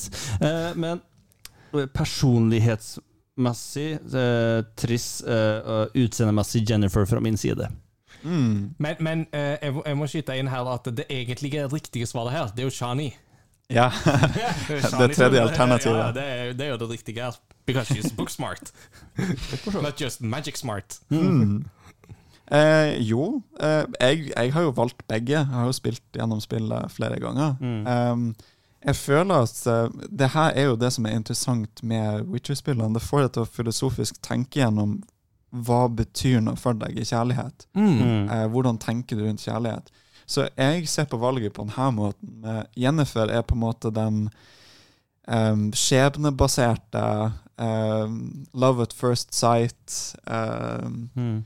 den, den litt sånn typiske romantiske tanken som kommer fram i romantiske komedier. Sånn, at det er bare noen mennesker som passer sammen. Mm. Mm. Eh, mens med Triss så er det liksom litt mer sånn pragmatisk, kanskje litt mer realistisk. Kanskje bare sånn Hei, vi liker hverandre nå, kan vi ikke bare være sammen? sånn. Eh, I stedet for at det er så grandiost, da. Mm. Um, sant? Jeg digger deg, du med hessia. så, så det er jo en ting som forandrer seg. Jeg har jo, jeg har jo valgt eh, Jeg valgte jo Triss sist gang, og det var etter et eh, eh, kjærlighetsbrudd. Mm. Så da liksom mista jeg litt troen på, på magisk kjærlighet. Der, så, Mm. Så da valgte jeg det. Men um, ja, jeg vet ikke. Eh, en ting som er interessant med det, er jo at um, på engelsk så får dere ulik dialekt på de to karakterene. Mm. Mm. Så Jennifer snakker med britisk, Mm. og Mm. Triss med amerikansk aksent. Stemmer. Um, mens på polsk så snakker jo begge to av de bare polsk, de, de har ikke noe dialekt. så det er en ting som jeg har hørt, da. eh, For, at for noen var det en sånn utslagsgivende faktor. da. Ja. Noen liker eh, amerikansk eller britisk bedre. Mm. Mm. Selvfølgelig ville det påvirke. Ikke sant? um, vi, vi har jo vært inne på det òg med et gjennomført uh, kampsystem. I det Mm. med at du må, du må slåss på ulike, uh, ulike måter mot ulike fiender. Um, så jeg tenkte jo bare å spørre altså, Har dere en minneverdig sånn fiende i spillet? Oh, det er jo uh, Her er det jo nok å ta av, liksom. Men uh, altså, den som umiddelbart bare popper opp i hodet på meg, er jo bare en, en griffin. Rett og slett, altså, den der, Du slåss mot ganske i starten av The Witcher 3, fordi at den er, altså, monsterdesignet der det er så liksom, gjennomført og ikonisk. Men jeg nevnte jo i stad denne her eh, demonen som du må lure eh, i Skellige, til å tro at du i praksis ofrer en baby. Eh, som, eh, det òg er et sånt oppdrag og en sånn fiende som sitter veldig godt. da, at den, den ser du liksom aldri. Altså Du ser bare skyggekonturene av den. sant?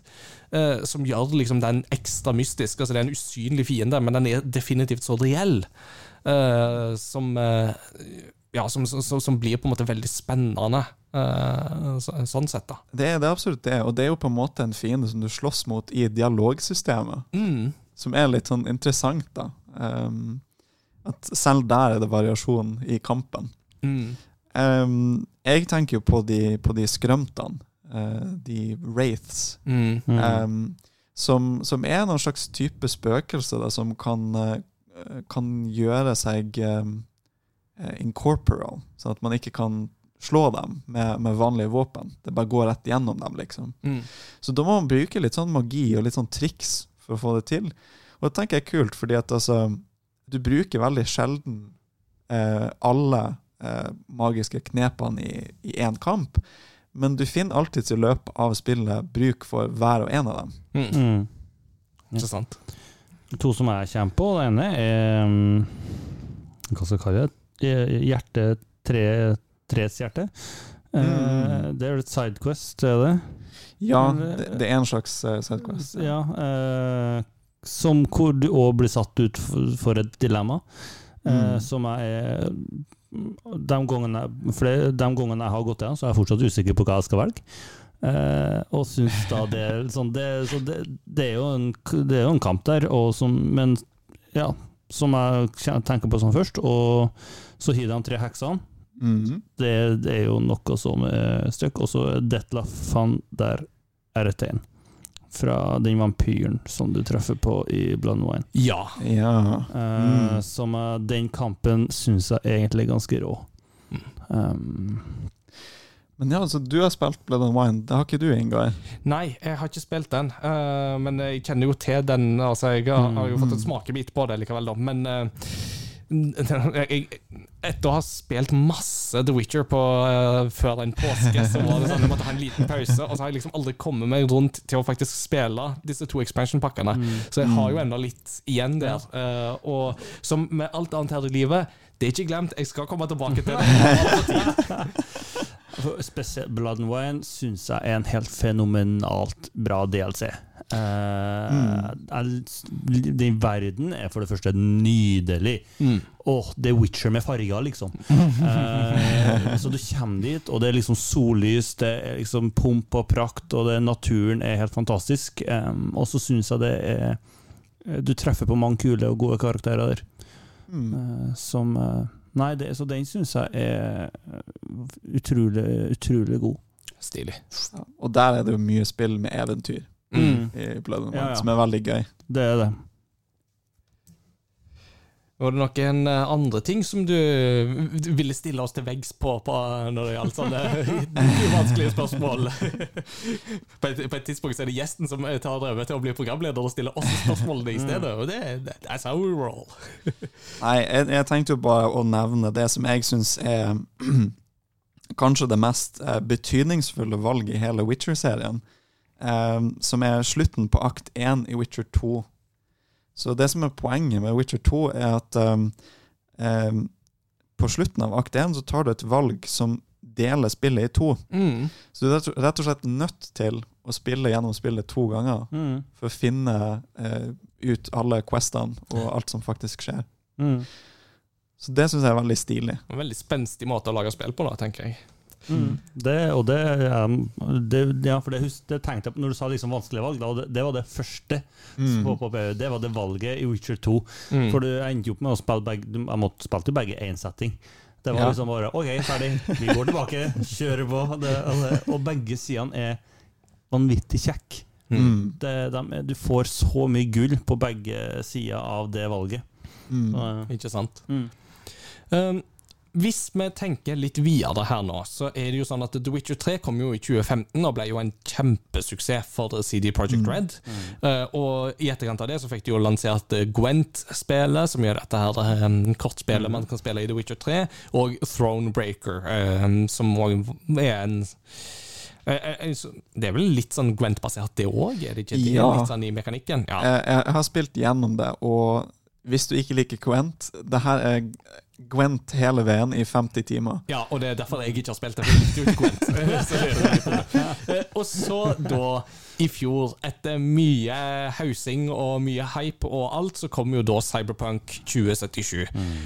Og vi må vel kunne innrømme og si at Cyberpunk 2077 ikke helt klarte å leve opp til forventningene som de hadde bygd opp i forkant, særlig med tanke på at dette var studioet som hadde laga The Witcher 3. Eh, for, for din del, som uh, The Witcher-entusiast og eh, kyndig, hvor føler du at Altså Hvis du føler at Cyberpunk ikke nådde opp til forventningene, og det er litt sånn inntrykk av at det føler du, hvor er det Cyberpunk svikter sammenlignet med The Witcher? Ja, altså jeg føler jo det er jo Vi har jo snakka og snakka fint om mange ting som eh, fungerer bra i Witcher 2 og Witcher 3, og jeg fikk til og med nevnt noe i Witcher 1 som jeg syns var veldig kult. Um, følelsen min for meg er jo at jeg liker jo også cyberpunk-sjangeren. Um, jeg liker jo andre, andre spill i sangen, og Blade Runner-filmene syns jeg jo er kjempebra. Uh, og for meg så føles det ut som uh, spillet er mer et cyberpunk-produkt, ironisk nok, um, enn en genuin og dyp utforskning av cyberpunk-tematikk og problemstillinger. Mm. Um, det er på en måte Det skal se ut som cyberpunk. Det skal høres ut som cyberpunk. Litt sånn overfladisk, da. Mm. Um, ellers så tenker jeg også at det er en mangel på meningsfylte eller vanskelige valg, som er på en måte det eh, det her studioet er kjent for. Mm. Selv i Witcher 1 så er det mange vanskelige valg du må ta. Um, og ellers så kan man jo si lite variasjon i kampsystemet. Der du må tenke veldig mye på hvilken fiende det er du slåss mot. Kanskje må du sjekke OK, um, jeg kan bruke det her våpenet, eller jeg kan, eh, jeg kan bruke det her den her magien mot det her eh, Mm. vesenet. I Cyberpunk så er det litt sånn Ja, har du lyst til å skyte, eller vil du slå på det? Mm. Og, hvis du, og du må stort sett velge én av dem. Og her har vi en cyberpunk-joke. Hva vil du gjøre? Vil du skyte, eller vil du slå? Sa du da. Det var, det var plutselig så poppa den opp i hodet, og da måtte den ut. Ja, når man finner en joker, så må han ut. Ja. Um, ellers så kan man jo si også at det er for ensformige sideoppdrag. Eh, det er veldig få sideoppdrag som jeg husker etter å ha spilt gjennom eh, Cyberpunk 2077. eh, på samme måte som fra Witcher 3. Altså Der var det Mm. liksom eh, Jeg husker valgene, på en Mm. måte. Mm. Du husker The Red Baron, du husker heksene, du Mm. husker om du valgte Jennifer eller Triss. Det, Mm. ja. Og ellers det siste punktet mitt som jeg eh, virker var en breaking point for meg, da, var at um, jeg syns Johnny Silverhand er for usympatisk. Mm. Uh, jeg synes at Johnny Silverhand for meg så virker han som en slags uintendert parodi på machomannen. Mm. Mm. Um, eh, der det på en måte blir sånn Hvis man bare hadde tatt det hele veien ut og gått sånn full South Park-modus på det, og bare sånn at du kunne virkelig sett at det her er en intendert satire Mm. over hvordan en machohelt skal være. Litt sånn Duke Nukem, da, for eksempel. Mm. Så hadde det vært noe som jeg tror hadde fungert bedre for meg. Men jeg får følelsen at det er meninga vi skal faktisk sympatisere med Johnny Silverhand, eller at vi skal ta han seriøst. Mm. Og det klarer jeg ikke. Du klarer det ikke, selv om han sier gang etter gang We gotta take down Arasaka. Ja, for det funka veldig godt sist Ja. for han. Mm. Eh, Sånn, uh, Helt til slutt da, i denne fasen har vi snakka langt og lenge om dette, men dette er en kjempegøy prat som jeg tror uh, både oss og lytterne har det veldig moro Det er det mest grundigste segmentet vi har hatt. Er Så, så Ja, men, det, ja, ja, ja, men, men, dette, men dette har alltid vært litt sånn min visjon for podkasten. Liksom, det å Ja, gå ja. litt veldig dybden på, på en ting med folk som kan masse om det. Det er jo Altså, det temaet her har jeg gått og venta på. Ja, det er sant. Helt til slutt, hvor går veien til CD Projekt Red videre herifra? Altså, etter å ha liksom bygd seg opp ifra å være bootleggers i Uh, liksom den polske undergrunnsverden til å bli et etablert studio som får lov å bryne seg på en polsk franchise til å bygge seg opp til å bli et av Polens mest internasjonalt kjente selskap, til så da å få en sånn solid smell som det de fikk eh, ved forrige årsskifte, inkluderte hackerangrep osv. Hvor går veien videre for CD Projekt Red? Ja, altså eh, Jeg kjøpte jo CD-er som var printa av CD, CD Projekt i, i Polen da jeg var barn, så jeg har en CD av Worms Armageddon, f.eks. Det er kult. Eh, men eh, det er jo akkurat det at de er nok nødt til å gå inn i en selvransakelse eh, i en retning til å bli et bedre organisert studio med bedre organiserte team. For det var en av de tingene som vi hørte dem, dem svikta med. Eh, at det var for dårlig kommunikasjon mellom, eh, mellom de ulike teamene som, som jobba sammen. Mm. Og um, Derfor ble det for gjort veldig mye arbeid på noe som til slutt ble skrapa, og så skjedde det om igjen og om igjen. og om igjen. Mm. Um, og de kan ikke lene seg på 'lightning in a, in a bottle'. Um, sånn som vi har hørt av ulike rapporter, så høres det faktisk ut som Witcher 3 også var et tilfelle av 'lightning in a bottle'. De bare sa sånn Ja, ja, vi finner ut av det. Vi, vi kommer til å fikse det på, på veien mot uh, lansering. Mm. Og så gikk det bare, da. Mm. Uh, men Men der Ja. var det vel en del som blanda reaksjoner i starten, og et par en del ting som de sleit med, som de fikk mm, fiksa. Ikke like mye da, som uh, ja, Cyberpunk, eh, men de, de måtte fikse en god del. Og så Mm. En ting som er veldig lett å glemme med CD Projekt, er jo at eh, Witcher 3 er det eneste udelt bra spillet på launch. Mm. Fordi Mm. Witcher 1 og Witcher 2 måtte ha en enhanced edition et år etterpå er for å bli ordentlig spillbar. da. um, men jeg tenker at de burde gå for en viderebygging og lærdom fra Cyberpunk 2077 og finpolere formen. mm. For de prøvde seg på altfor mange nye mekanikker som de ikke hadde noe erfaring med å utvikle. Kjøre bil, Mm. eh, by i den moderne verden. Mm, altså, kjøre, kjøre, kjøre bil i Cyberpunk er jo et mareritt. Ja. Ja, det er, det er dessverre det. Det, ja. Mm. Men vi kommer litt tilbake til det i del to. Så ja uh, Any final comments? Uh, Peter, har du fått, øh, fått svar på det du vil ha? Øh, eller ja, det vil jeg si. Det Ja. har vært en eh, meget interessant eh, samtale, og jeg har kost meg gløgg i hjel.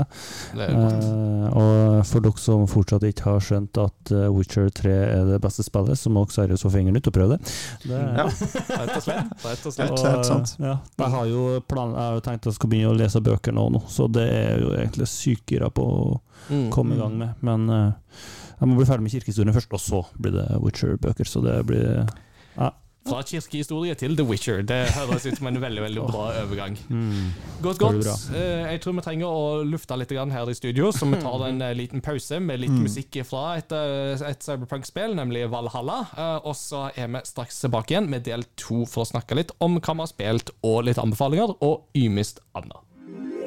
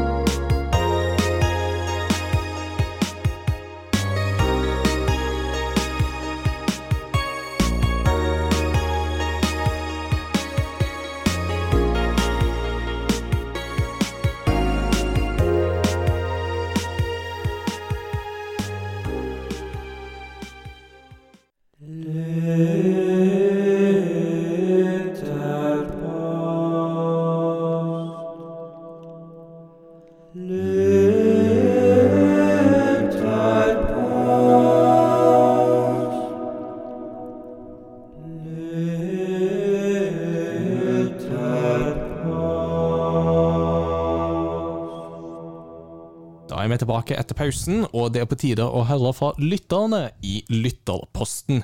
eh, Der vi stiller lytterne et spørsmål på Facebook og Discord, og lytterne svarer på det spørsmålet.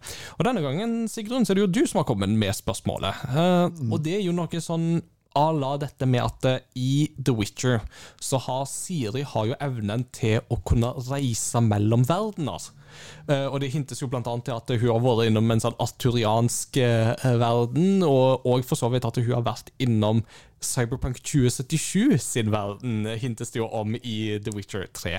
Ja. Og spørsmålet da er, hvis du hadde hatt denne evnen til å reise mellom verdener, hva spillverden ville du ha besøkt, og hvorfor?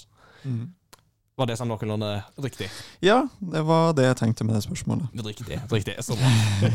så før vi da tar våre egne, så tenker jeg at vi hører fra lytterne først, og så tar vi våre egne innspill etterpå. Og jeg tenkte at jeg ville begynne med Eirik sitt svar, for eh, han skriver da OK, kanskje litt ondskapsfullt, but hear me out.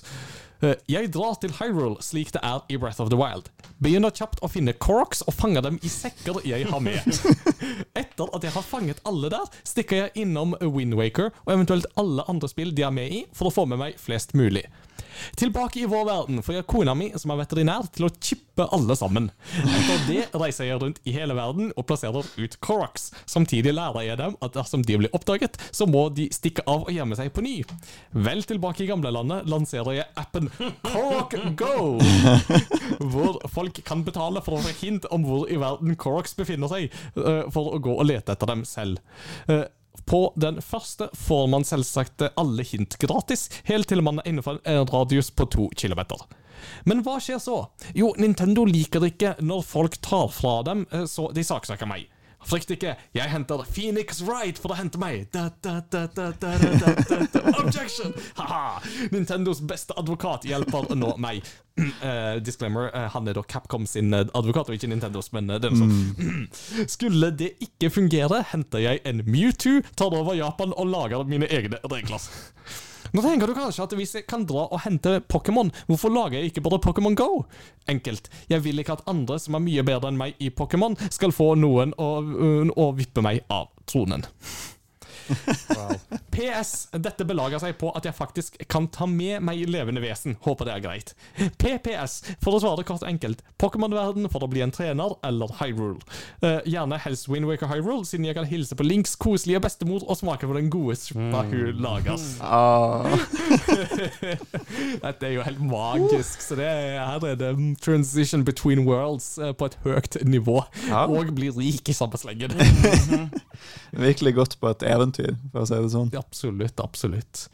Eh, Peter, har du eh, en lytter på lager som du har lyst til å dele? Det har jeg. Jeg tenkte bare å ta to korte på rappen, for jeg tok tre. Ja, veldig, veldig bra.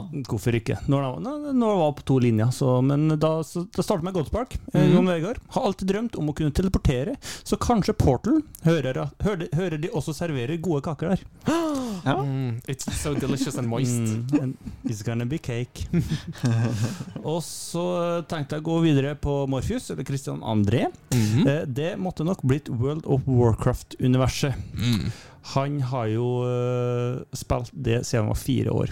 Oi! Mm, så han er meget i det. Ja, ja. Impressive. Yes. Most impressive. Så han er legende eh, innen den eh, verden der. Så Imponerende. det, mm, så det er jo kult. Godt, godt. Sigrun, har, har du noen svar som du syns utmerker seg på en kreativ måte? Eh, ja, Eh, jeg tenkte Nikolai sitt svar. Eh, litt juks, kanskje, men hadde virkelig likt å utforske en galakse langt borte en gang for lenge, lenge siden. Både Kotor-tidslinja og den nyere tidslinja hadde vært utrolig spennende å oppleve, men når de lager et spill eller to for High Republic, er jeg veldig interessert i å vite mer. Å lese de siste bøkene har vært et blast. Nice. Ja, så absolutt enig i den uh, når det gjelder Star Wars. Mm. Mm. Ikke sant? Ja, det hadde vært rått. Ja, det, mm, den um, Jeg kan allerede nå avsløre at det er vel det jeg hadde landa på, tror jeg. At eh, jeg hadde reist til Star Wars-galaksen. Kanskje gjerne en, eh, i Kotor-perioden, for der er det mye spennende og nytt å oppdage. um, jeg må òg da ta fram en eh, relativt ny eh, bruker i discorden vår, Elias. Elias! Elias. Som da Yes. skriver Tror jeg ville dratt inn i Mario Kart-universet, bare for å vise alle hvor god jeg er på Rainbow Road, Wii-versjonen. Så der har du min ydmyke elev. Det Ja, men altså, kan du Rainbow Road, så har du lov til å skryte litt, altså. Så den mm. ser jeg definitivt. han, han, han fikk jo beskjed av et av mine fjorårselever om at han måtte begynne å høre på, på Crossover Gaming, for da ble han bedre kjent med læreren han skulle ha. Han glemte å nevne at han må hoppe til type episode 54, så han har jo hørt gjennom nesten hei, alt vi har på én sommer. Altså, det, det, det- er en ja. liten applaus verdig, altså. Det Ja, da. er nydelig. Mm. Uh, yes, Da tenkte jeg å gå videre til Det er en, en, en ny mann som jeg tror aldri har han, jeg, Jeg tror ikke jeg har sett at han har kommentert uh, før, så det er kjekt. Alltid kjekt med nye folk. Ja, ja. Uh, Nesmann, utrolig rart navn, men Nesmann, aldri hørt om engang. sikkert stor nese. Det Jeg tror han har stor Nes-kolleksjon. Mm, der har vi den. Nei, jeg tenkte, Siden han er borte, så vi må jo få med han så i dag, da. Det er liksom første gang. Ja, ja, ja. Nå kan Mats Jakob endelig svare på lytterpost. Altså. Ja Skal vi se, og han skriver Jeg ville besøkt Golf Story-universet. Snakket med deilige karakterer, spilt litt golf, frisbeegolf, kjørt med drone og snøscooter. Også drikke litt leskende brus i brusbaren, spise en pai, dra på stranden og chille, gravd etter fossiler med med en digging wedge, bygd snømann og mye mer. En plass med mange muligheter, rett og slett. Det høres ganske digg ut. Er det jord, det? Ja. Pai Og jeg syns og brus. og jeg synes det er fantastisk at de har en klubbe her i Golf Story som heter Digging Wedge. Fordi at du ikke vanlig så har du jo pitching wedge og sand wedge, Ja, og her har du da tydeligvis digging wedge i tillegg. Nice. Ja, eh, og jeg hadde en til. Jeg syns dette er en veldig fin en å avslutte med, egentlig. Um, Espen Tveit skriver det finnes mange livsfarlige spilleverdener, men å ta en ferietur til Animal Crossing-øya hadde nok vært relativt trygt og veldig koselig. Ja. Helt koselig, helt til du plutselig blir gjeldsslave fordi at Tom nok kommer og bare Det var det, da. Det var det. Så uh, min første simulator om kapitalismen, som uh, Animal Crossing har kjent. Men ja Vet du hva eh, Animal Crossing og Gibraltar har til felles?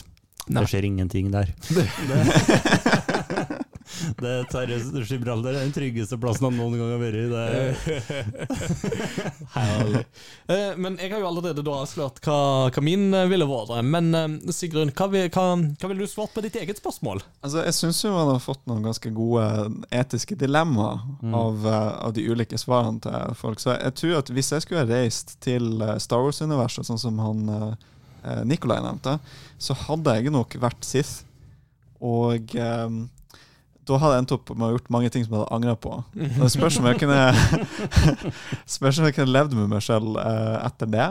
Eh, så spørsmålet er jo liksom Ville man behandla det som en spillverden, eller som den virkelige verden? mm. Um, så et kjedelig svar er jo jeg ville dratt til Witch-universet, blitt magiker, og uh, det, det er jo noen fordeler der for noen som er en transperson, for å si det sånn. Mm. Um, og pensjonert meg i Tosant etter et par hundre år, eller noe sånt. Men uh, samtidig men, men samtidig, det er et veldig farlig sted, så jeg tror det tryggeste alternativet for meg ville vært Stardew Valley. Ja. Eh, tenk om man kunne leve og være bonde. For en tanke. ja.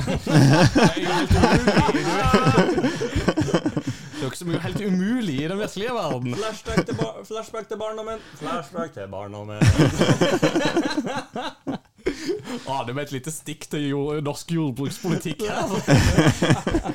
You decide! Mm. I den forbindelse så må vi minne folk på at eh, når du hører denne episoden på mandag, så er det valgdag, så stikk hos den. Mm. Ja. Stemmer det. Uh, Syns det er ganske vanskelig, egentlig, men Pokémon virker jo skamkjekt, da. Mm. Det, eh, det, det syns jeg virker utrolig kult. Um,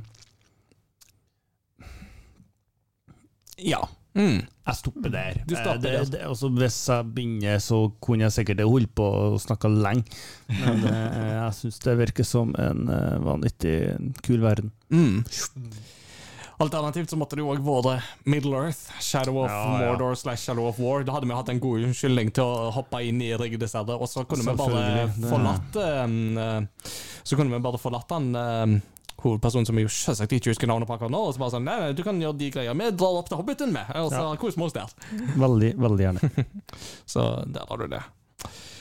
Ja, det var eh, lytterposten i denne omgang. Og hvis du hører på og vi svarer på lytterposter, så er det bare å sjekke ut eh, våre Facebook- og Discord-sider, som du finner lenker til på crossovergaming.no.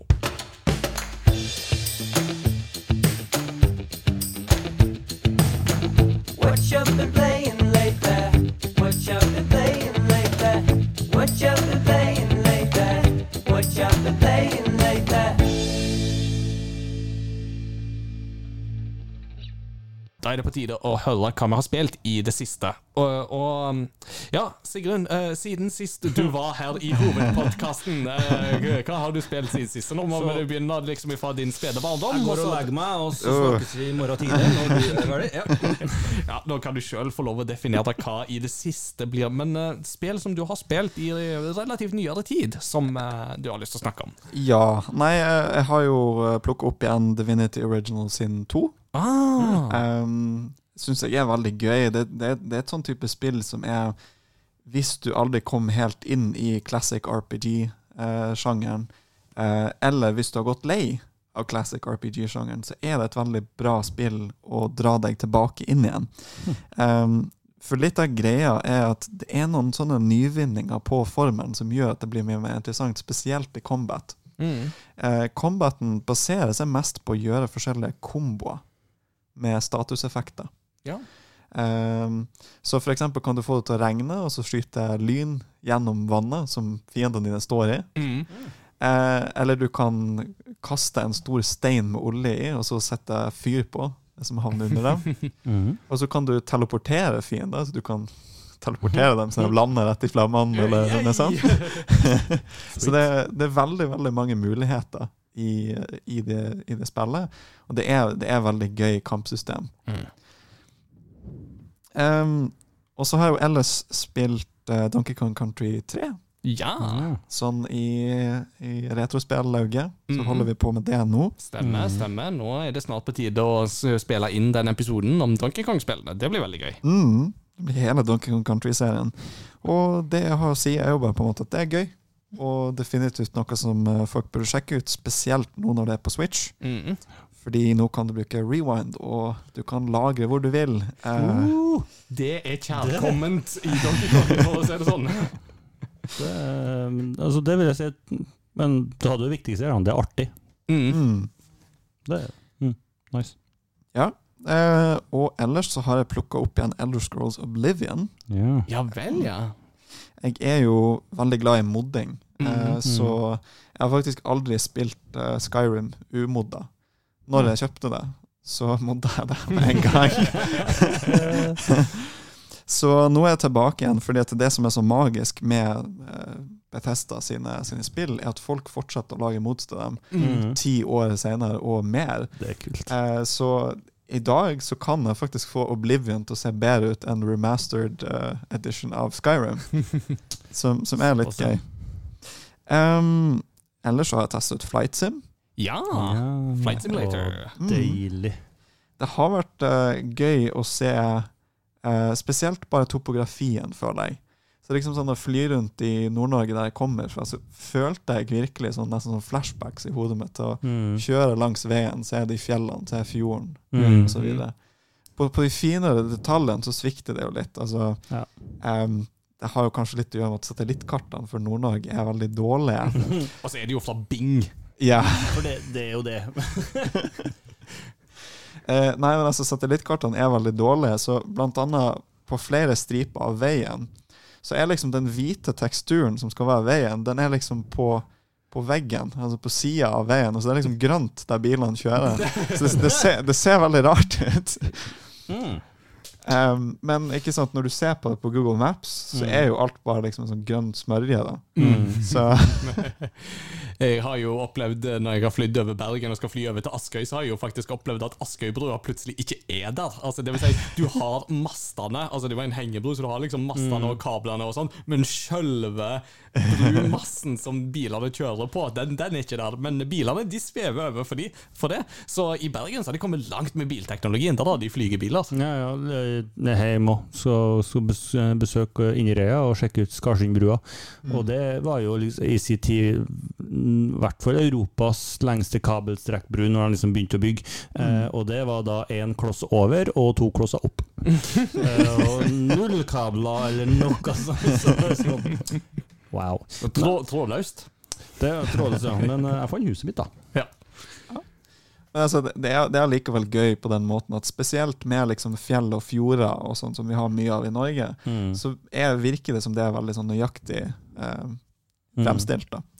Um, ellers så har jeg spilt The Ascent. Ja, ja, ja, ja. Det som Matt Jakob snakket om sist gang. Mm, eh, den twin stick-shooteren. Eh, jeg syns det er veldig kult. Det er et ganske krevende spill, til tross for at det liksom både høres og virker som et indie-spill. Eh, så er det krevende på maskinvare. Det kjører med full raytracing, liksom. Mm. Um, det er veldig gøy. Um, anbefaler folk å, å sjekke ut de har sendt tror jeg. Um, musikken syns jeg er spesielt uh, mm -hmm. fantastisk med det spillet. Og det er, jo, det er jo noe som vi kommer tilbake igjen til, men um, eh, musikken er jo laga av Pavel Washtak. Sånn var det det skulle uttales, takk.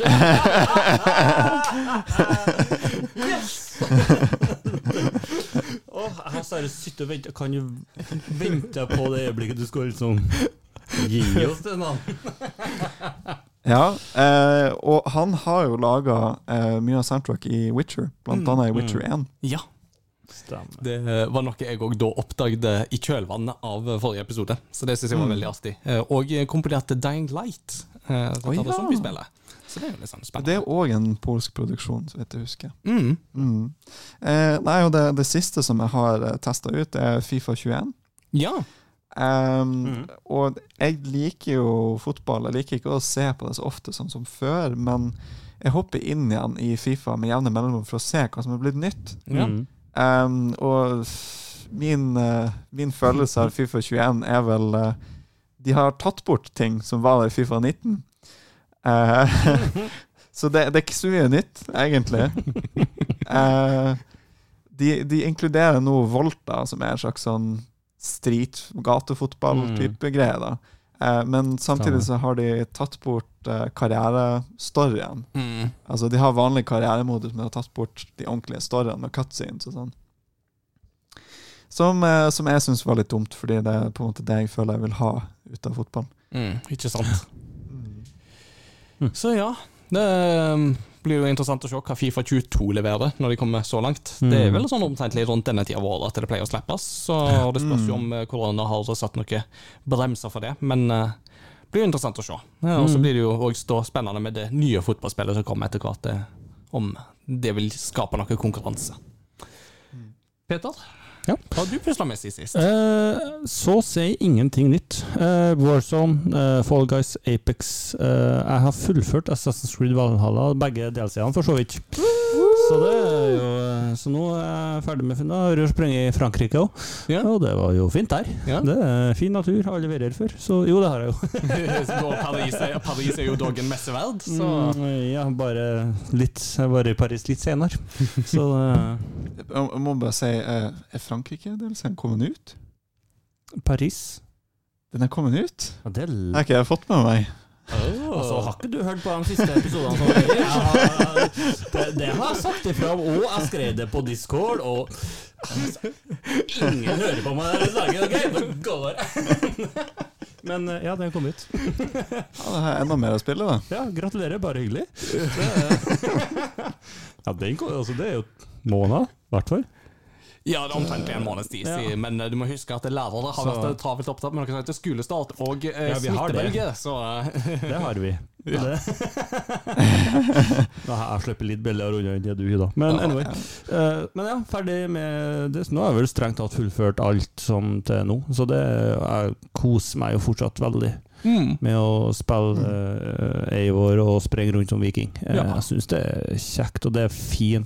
Det, det, det ble og når det liksom Hvis det var litt langdrygt, så klarte jeg fortsatt å kose meg med hele den verden. Og det, var sånn, det ble ikke så langdrygt som det kunne vært. i. Mm. Eh, og så har jeg fakt- for så vidt testa et spill som eh, Nesmann snakka om forrige gang. Eh, Crash on the Run. Ja. Det er mobilspillet. ja. Og det koser jeg meg for så vidt eh, mer enn det jeg trodde. Eh, det må jeg si. Eh, Det, du koser deg mer med det enn disse brubanene i Crash Bandicoot 1?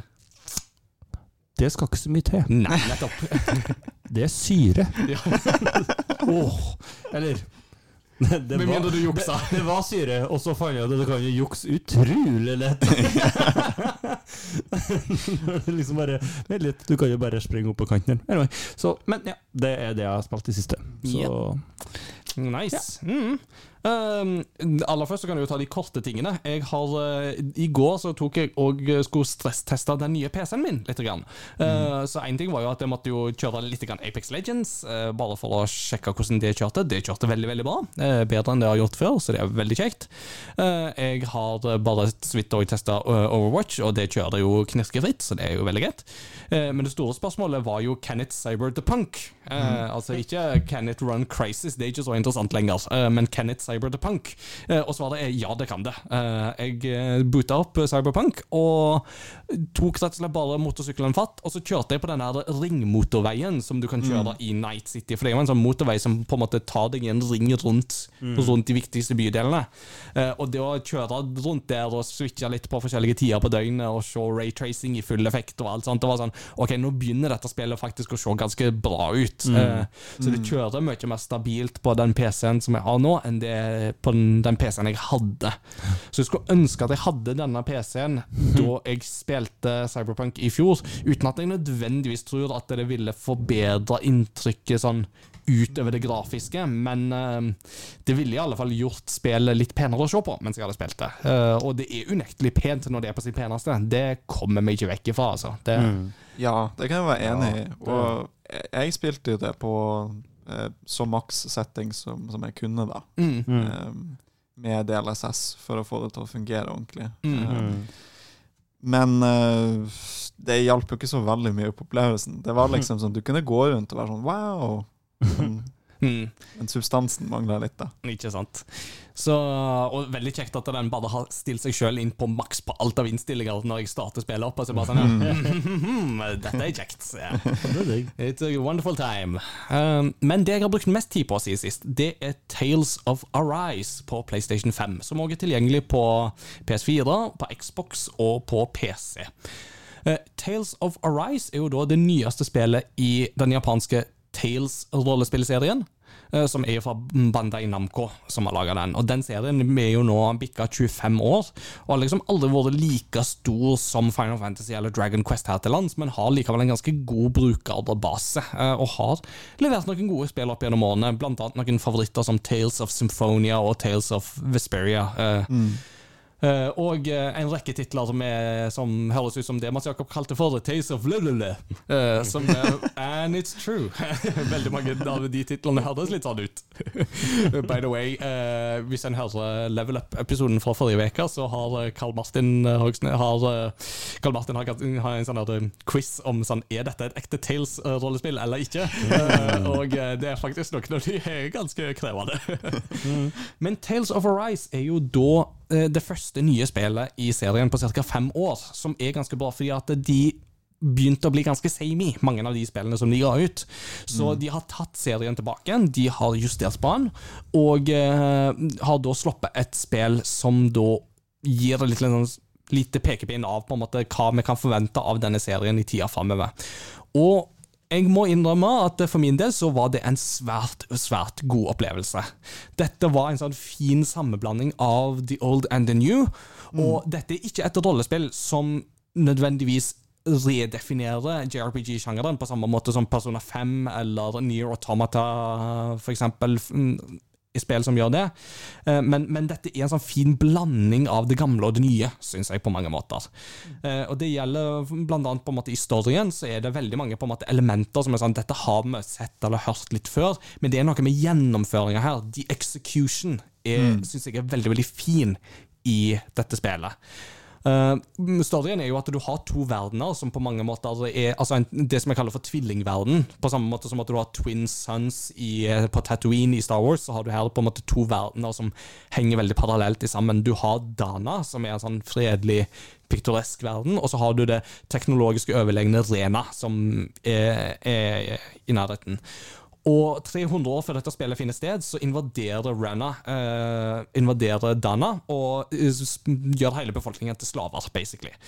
Så når da storyen begynner, så har det gått 300 år, og du begynner storyen som en eh, kar som heter Alfen, som ikke vet hvem han er. Eh, den klassiske 'jeg har hukommelsestap'. Eh, han har på seg en jernmaske som og, eh, og Og bonusen er at han ikke kan føle på smerte.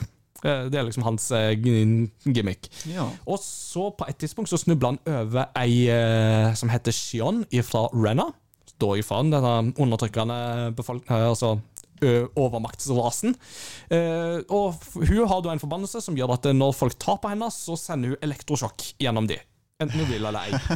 Så her har du da eh, en som ikke kan kjenne på smerte, og ei som ikke kan annet enn å gi folk smerte. Som da er fra hver sin planet, og som da er på mange måter diametrale motsetninger her, men som da likevel velger å slå seg sammen fordi Shion har en ambisjon om å eh, endevelte eh, Rennas eh, lords, eh, som, er på, som styrer over slavebefolkningen i Dana.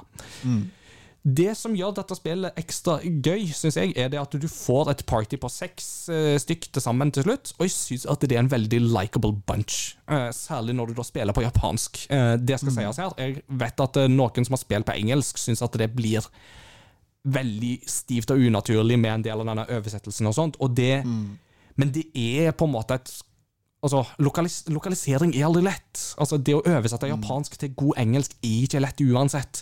Men i den japanske dubben i hvert fall, så har du et veldig veldig godt cast her. Mm, og favoritten er jo selvsagt uh, Kisa, Kisara The Shield Maiden, som bare Hun ser badass ut, og det er bare sånn i kamp òg er hun skikkelig badass. Bare liksom tar og legger skjoldet ned i bakken og hamrer løs på det, sånn at fienden uh, blir knust i fine biter. Og så er hun veldig glad i å fiske. Så, ja. Men, men det liksom, og alle disse har liksom sine bakgrunnshistorier og sine traumer og sånt, og går igjennom og sånt, som gjør at historien noen ganger tar veldig merke vendinger. Og det liker jeg veldig godt. altså Det er noen ganger at den historien blir skikkelig mørk og dyster. At det er bare sånn at, Wow, her får du noen vriere varianter som faktisk litt sånn det er ikke alltid du ser hvor historien kommer til å gå hen, så det er alltid litt spennende driv i historien, selv om som sagt en del av disse elementene er ting vi har sett og hørt før. Um, Og så er jo da kampsystemet her er kjempegøy, for det er jo, når du går i kamp, så er du i en sånn sirkulær, eh, et sirkulært område der du har full bevegelsesfrihet og slår løs på fiendene med standardangrep eller spesialangrep og sånt.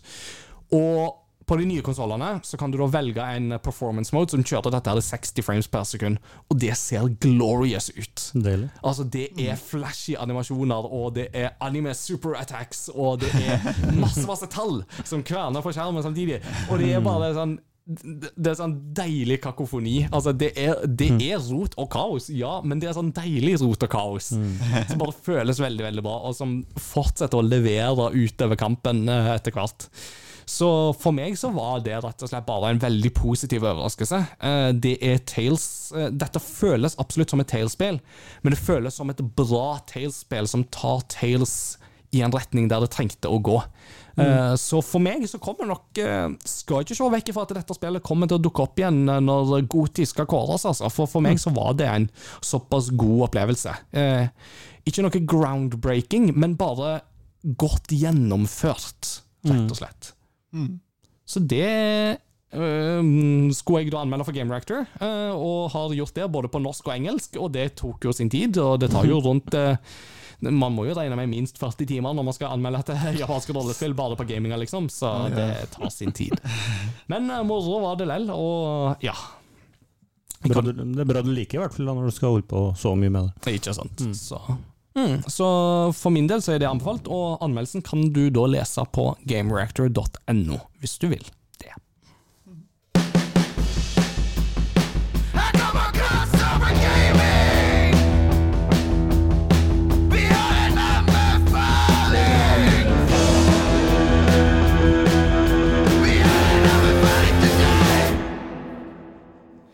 Da er det på tide å be om noen anbefalinger. Og når vi har gjest på besøk, så er det gjesten som får anbefalingene. Og det som er litt gøy, er jo da at eh, Sigrun, du var ikke vanskelig å be, for du hadde både anbefalinger og kuriositeter og på studium å komme med. Så nå skal du få lov å liksom bare Vi går og legger oss, vi, så tar vi bare, bare fikser resten.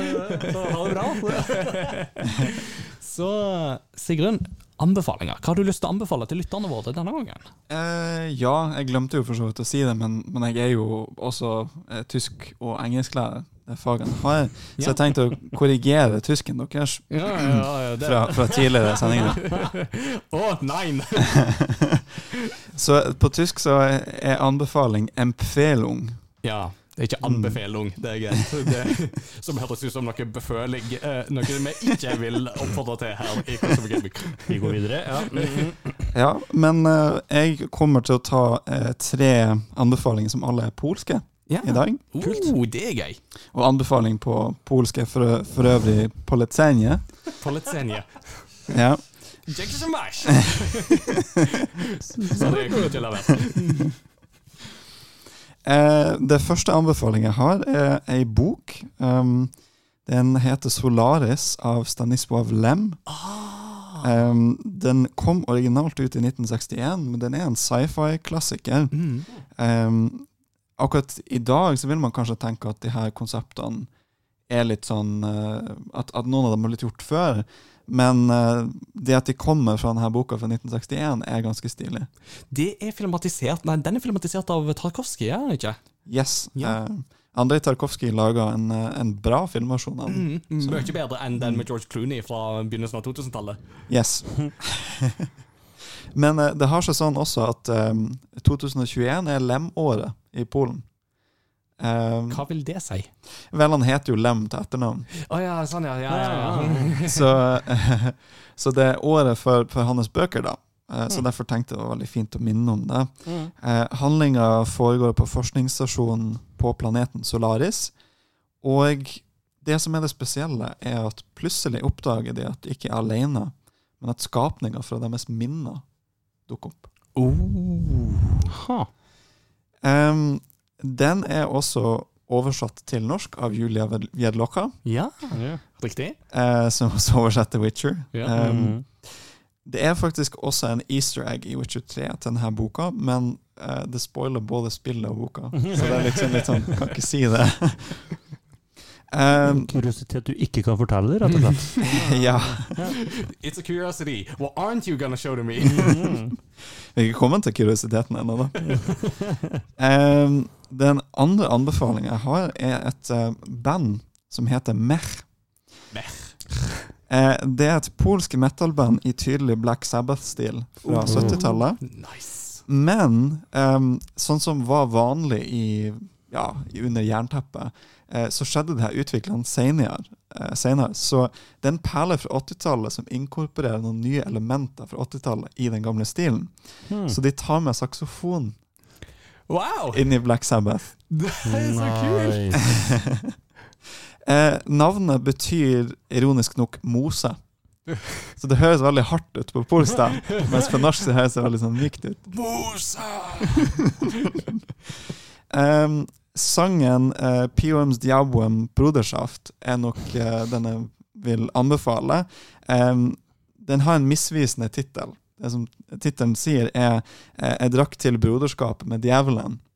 Men uh, det er en misvisende tittel fordi at det han sier i refrenget, er 'som om jeg hadde drukket til broderskap med djevelen'. Og det handler om en person som er på feil side av åpenbaringa. Oh, spennende. Eh, med at han ikke forstår hvorfor han ikke får rett til å komme til himmelen. da. Rett og slett. Så det er litt sånn Alice Cooper-tendenser her. Da. Altså, Alice Cooper har har jo noen sånne der, mm, plater der han leker seg med litt sånn tematikk. Mm. Eh, så det er veldig kult å, å sjekke ut. Um, og den siste anbefalingen jeg har, er en YouTube-kanal. Eh, det er en eh, polsk eh, YouTuber som heter Robert Makovic.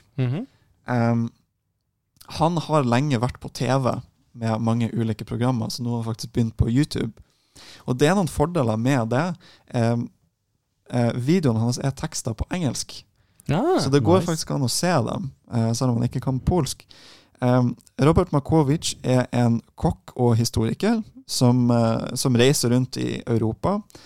Um, han er veldig, veldig entusiastisk. Det, det merker man med en gang. Um, med både maten og menneskene han møter, så er han i overmåte glad. Um, I tillegg så er han litt sånn kort og lubben, men det er jo på en måte sånn som han sier, stol ikke på maten til en tynn kokk. Amen to that. Eh, det er to ting man skal sjekke når du går på restaurant. Det ene er om kokken er tjukk eller ikke, og det andre er at toalettet er rent. ja. Har du dem to, så vet du at Michelin-stjerna er liksom rett rundt hjørnet. Nice. Jo, det, det er lurt å ha noen sjekkpunkter. Ja, ja. Um, akkurat nå så reiser han rundt på Balkan, eh, men han reiser jo rundt til flere sånne regioner i Øst-Europa, blant annet, uh, som vi kanskje ikke er så godt kjent med. Og eh, er veldig interessert i historien også, så det er ikke bare matlaging, liksom. Spennende. Kult. Nice. Så der har du både bok og musikk og YouTube, altså, som er alt i uh, det polske tegn, som uh, Ja, nå nå fikk jeg iallfall veldig lyst til å sjekke ut dette her, det mer. Det hørtes jo awesome ut, så det skal jeg sjekke ut. For dette er en Hebereke pachinko-kontroller til Super Nintendo. It's curiosity. What are you gonna show to me? It's curiosity. What I need thing to know. It's curiosity. What are you gonna show to me? I haven't even heard of it. What a neat thing to know. It's a great part of the show. Så The Great Part of the Show, sies det i jinglen. Eh, kan du eh, støtte opp om denne uttalelsen med å vise, komme med en kuriositet? Eller to? Så jeg har, jeg har tre Oh. Witch- Witcher-relaterte kuriositeter. Eh, den første er en som kanskje flere vet allerede, men president Barack Obama fikk overrukket et samlereksemplar av Witcher 2 når han var på statsbesøk i 2011. Nei, så gøy. Eh, og det var som et eksempel på den nyskapende polsk kultur har å tilby verden. Kult. Oh. Eh, så det var en veldig sånn kul eh, hendelse. Mm. Eh, jeg har jo også sett for så vidt i, Det var en ny dokumentar rundt WitcherCon som eh, pågikk i sommer. Ja, riktig. Så snakka de med noen av de regissørene som hadde jobba med spillene, om, eh, eh, om akkurat den opplevelsen òg. Mm. Der de nevnte det var helt sånn surrealistisk at presidenten av USA Mm. Mm. snakka om spillet vårt. Da, du, da, jeg føler, da kan du si at du, du har pika litt. Mm. Det, Ja. du, du kommer ikke mye høyere enn eh, enn den. Da, da har du nådd eh, ganske langt. mm. Eh, den andre kuriositeten jeg har, er at skaldekarakteren Jaskier, Mm. uh, som han heter i Netflix-serien og i originalbøkene, er egentlig feil oversatt til engelsk som dandelion. Eller sånn som vi tenker på løvetann. Mm. Eh, for blomsten det egentlig dreier seg om en smørblomst. Oh. Eh, men det er litt rart på norsk og engelsk. Um, så Agnes Banach og Julia Wiedlocha det til Solai i den norske utgaven, som er et spill på soleilblomstfamilien. Ja. Ai. Eh, min hypotese for hvorfor de valgte Dandelion eh, som navn, er, er ordet dandy. Eh, ja. altså, noen som er veldig opptatt av utseende og stil. Og, ja. Det gir jo mening. Det passer veldig godt på Ja, på han, i alle fall mm. sånn som du møter han i både hvis jeg har serien og, og, og spillene. Oh, ja. For, for det er jo akkurat det at smørblomst passer ikke så bra. Det blir liksom feil karakter, da. Mm. Ja. Mm. Eh, og den tredje kuriositeten jeg har, er eh, bandet som laga mye av musikken i Witcher 3, eh, tok navnet sitt fra en karakter fra bøkene. Mm. Så bandet eh, Percival Schuttenbach eh, tar navnet sitt fra en kreativ og dyktig gnom som var en slags juvelsmed i bøkene. Eh, karakteren dukker ikke opp i spillene, eh, men dukker opp i Gwent, eh, det standalone-kortspillet. Ja. Eh, og jeg tenker, det her bandet ble grunn, eh, grunnlagt i 1999, så det er lenge før første spill kom ut også. Wow. Eh, så det er et godt eksempel på hvordan ulike realiseringer av media bygger hverandre opp i Witcher-universet. Kult. Fascinerende. Å, så gøy. Nå har jeg lært masse. Ja. eh, både i del 1 og i del 2, så Mhm. dette er strålende.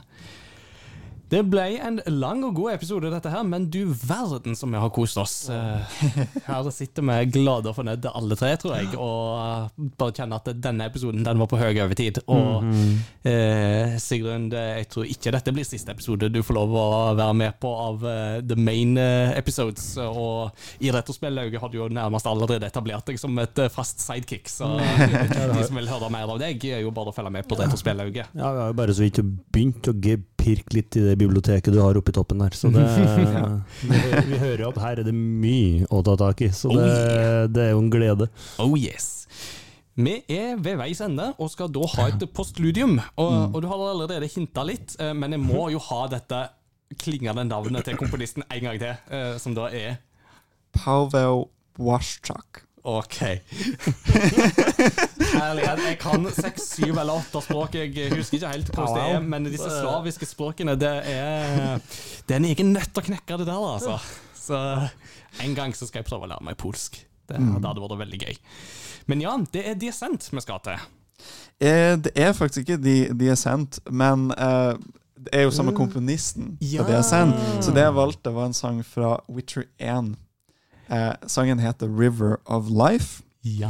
Og jeg syns det, det er faktisk veldig fin musikk i det første Witcher-spillet. Som er liksom litt sånn Ja, ja. eh, man, man overser det.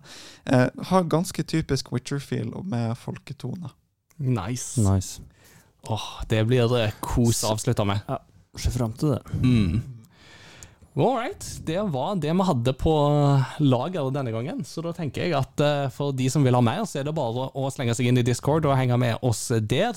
Eh, vi har allerede fått sikre oss en gjest til neste episode om to ukers tid, så det blir eh, veldig spennende og artig. Da blir det et gøyalt tema å snakke om. Jeg skal ikke avsløre for veldig mye, annet enn å snakke om dami dani, dami jo, dami nano jo. Og vi snakkes til neste gang. Ha det bra! Ha det bra!